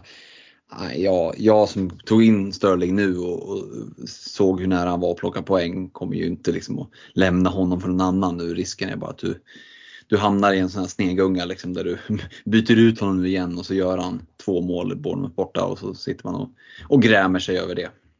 Här har du något att bita i. Fernando Torres Lovers skickar in Sterling eller Rashford fram till Game Week 8. Ehm, Lite prisskillnad där. Ja, men jag ehm. säger nog Sterling utifrån värde ändå för att Eh, jag, jag gillade, jag var inne på det i förra podden, att jag gillade Rashfords eh, match mer än Brunos här eh, mot Arsenal.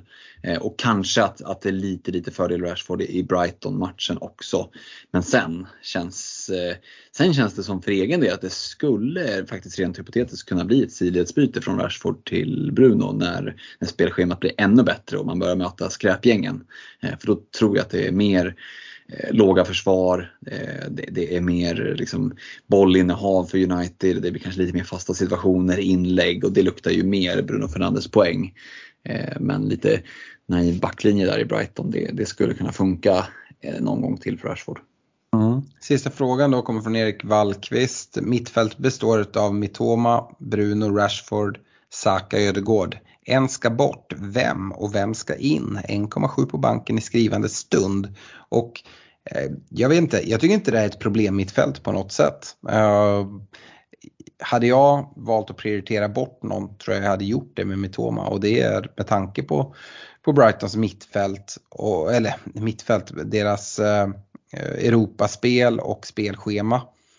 Eh, jag tycker inte Mitoma är en problemspelare och frågan är ju om man ens behöver prioritera ett byte om man har ett fritt. Men det är snarare om man ska gå till någon och jag, jag skulle kunna tänka mig att gå till en Bohem och sen om det är för den här veckan, mm, jag vet inte. Och det finns ju även att göra liksom Mitoma till en Madison, det finns pengar på banken där. Eh, ja det får man ju kolla på. Eh, jag vet inte, jag tycker också så här, lite, jag gillar inte helt att svara på, men ta ut han, ta in han.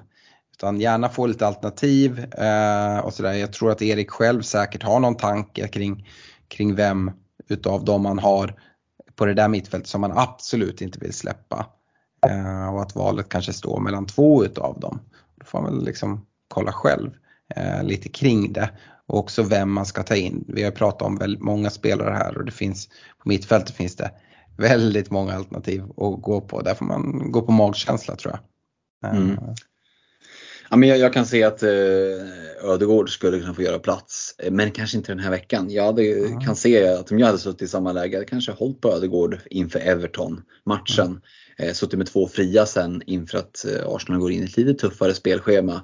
Eh, och då liksom kunnat växla kanske Ödegård och Mitoma eller Ödegård och någon annan. Eller, eller Mitoma har haft två fria att spela men det är alltid trevligt. Och som du säger, det här är ju lyxbyte, sitta och byta ut Mitoma och Ödegård, det är ju lyxbyten. Mm. Och, och, kan man då sitta och spara ihop till två fria, mm, ja det eh, kan vara värt att fundera kring. För som sagt det, det, kan uppkomma skador och så också. Då kan det vara guld värt att sitta på två fria. Och då kanske det slutar med att du behåller båda två och så släcker du andra bränder. Liksom. Så det är farligt att, slösa byten när man bara sitter med, med ett fritt. Mm, verkligen. Eh, då tackar vi för oss för den här veckan. Vi eh, ska ha Fira mig 40 år på lördag. Hoppas mm. att vi har lite röster kvar eh, till att spela in nästa vecka och kommer med kaptensdiskussion inför Game Week 5. Kommer med lite nya rekar. Får väl se, kanske kika på ett eventuellt wildcard-bygge hur det skulle kunna se ut om man skulle trycka av det här. Ehm, ja, det kommer finnas grejer att, prata om eh, nästa vecka också är jag helt säker på. Men eh, stort tack för att ni har lyssnat och eh, så hörs vi igen om en vecka. Hej då! Vi påminner också om att in, boka de sista platserna till Glenn-eventet. De tar slut fort. Ha det gott, tja!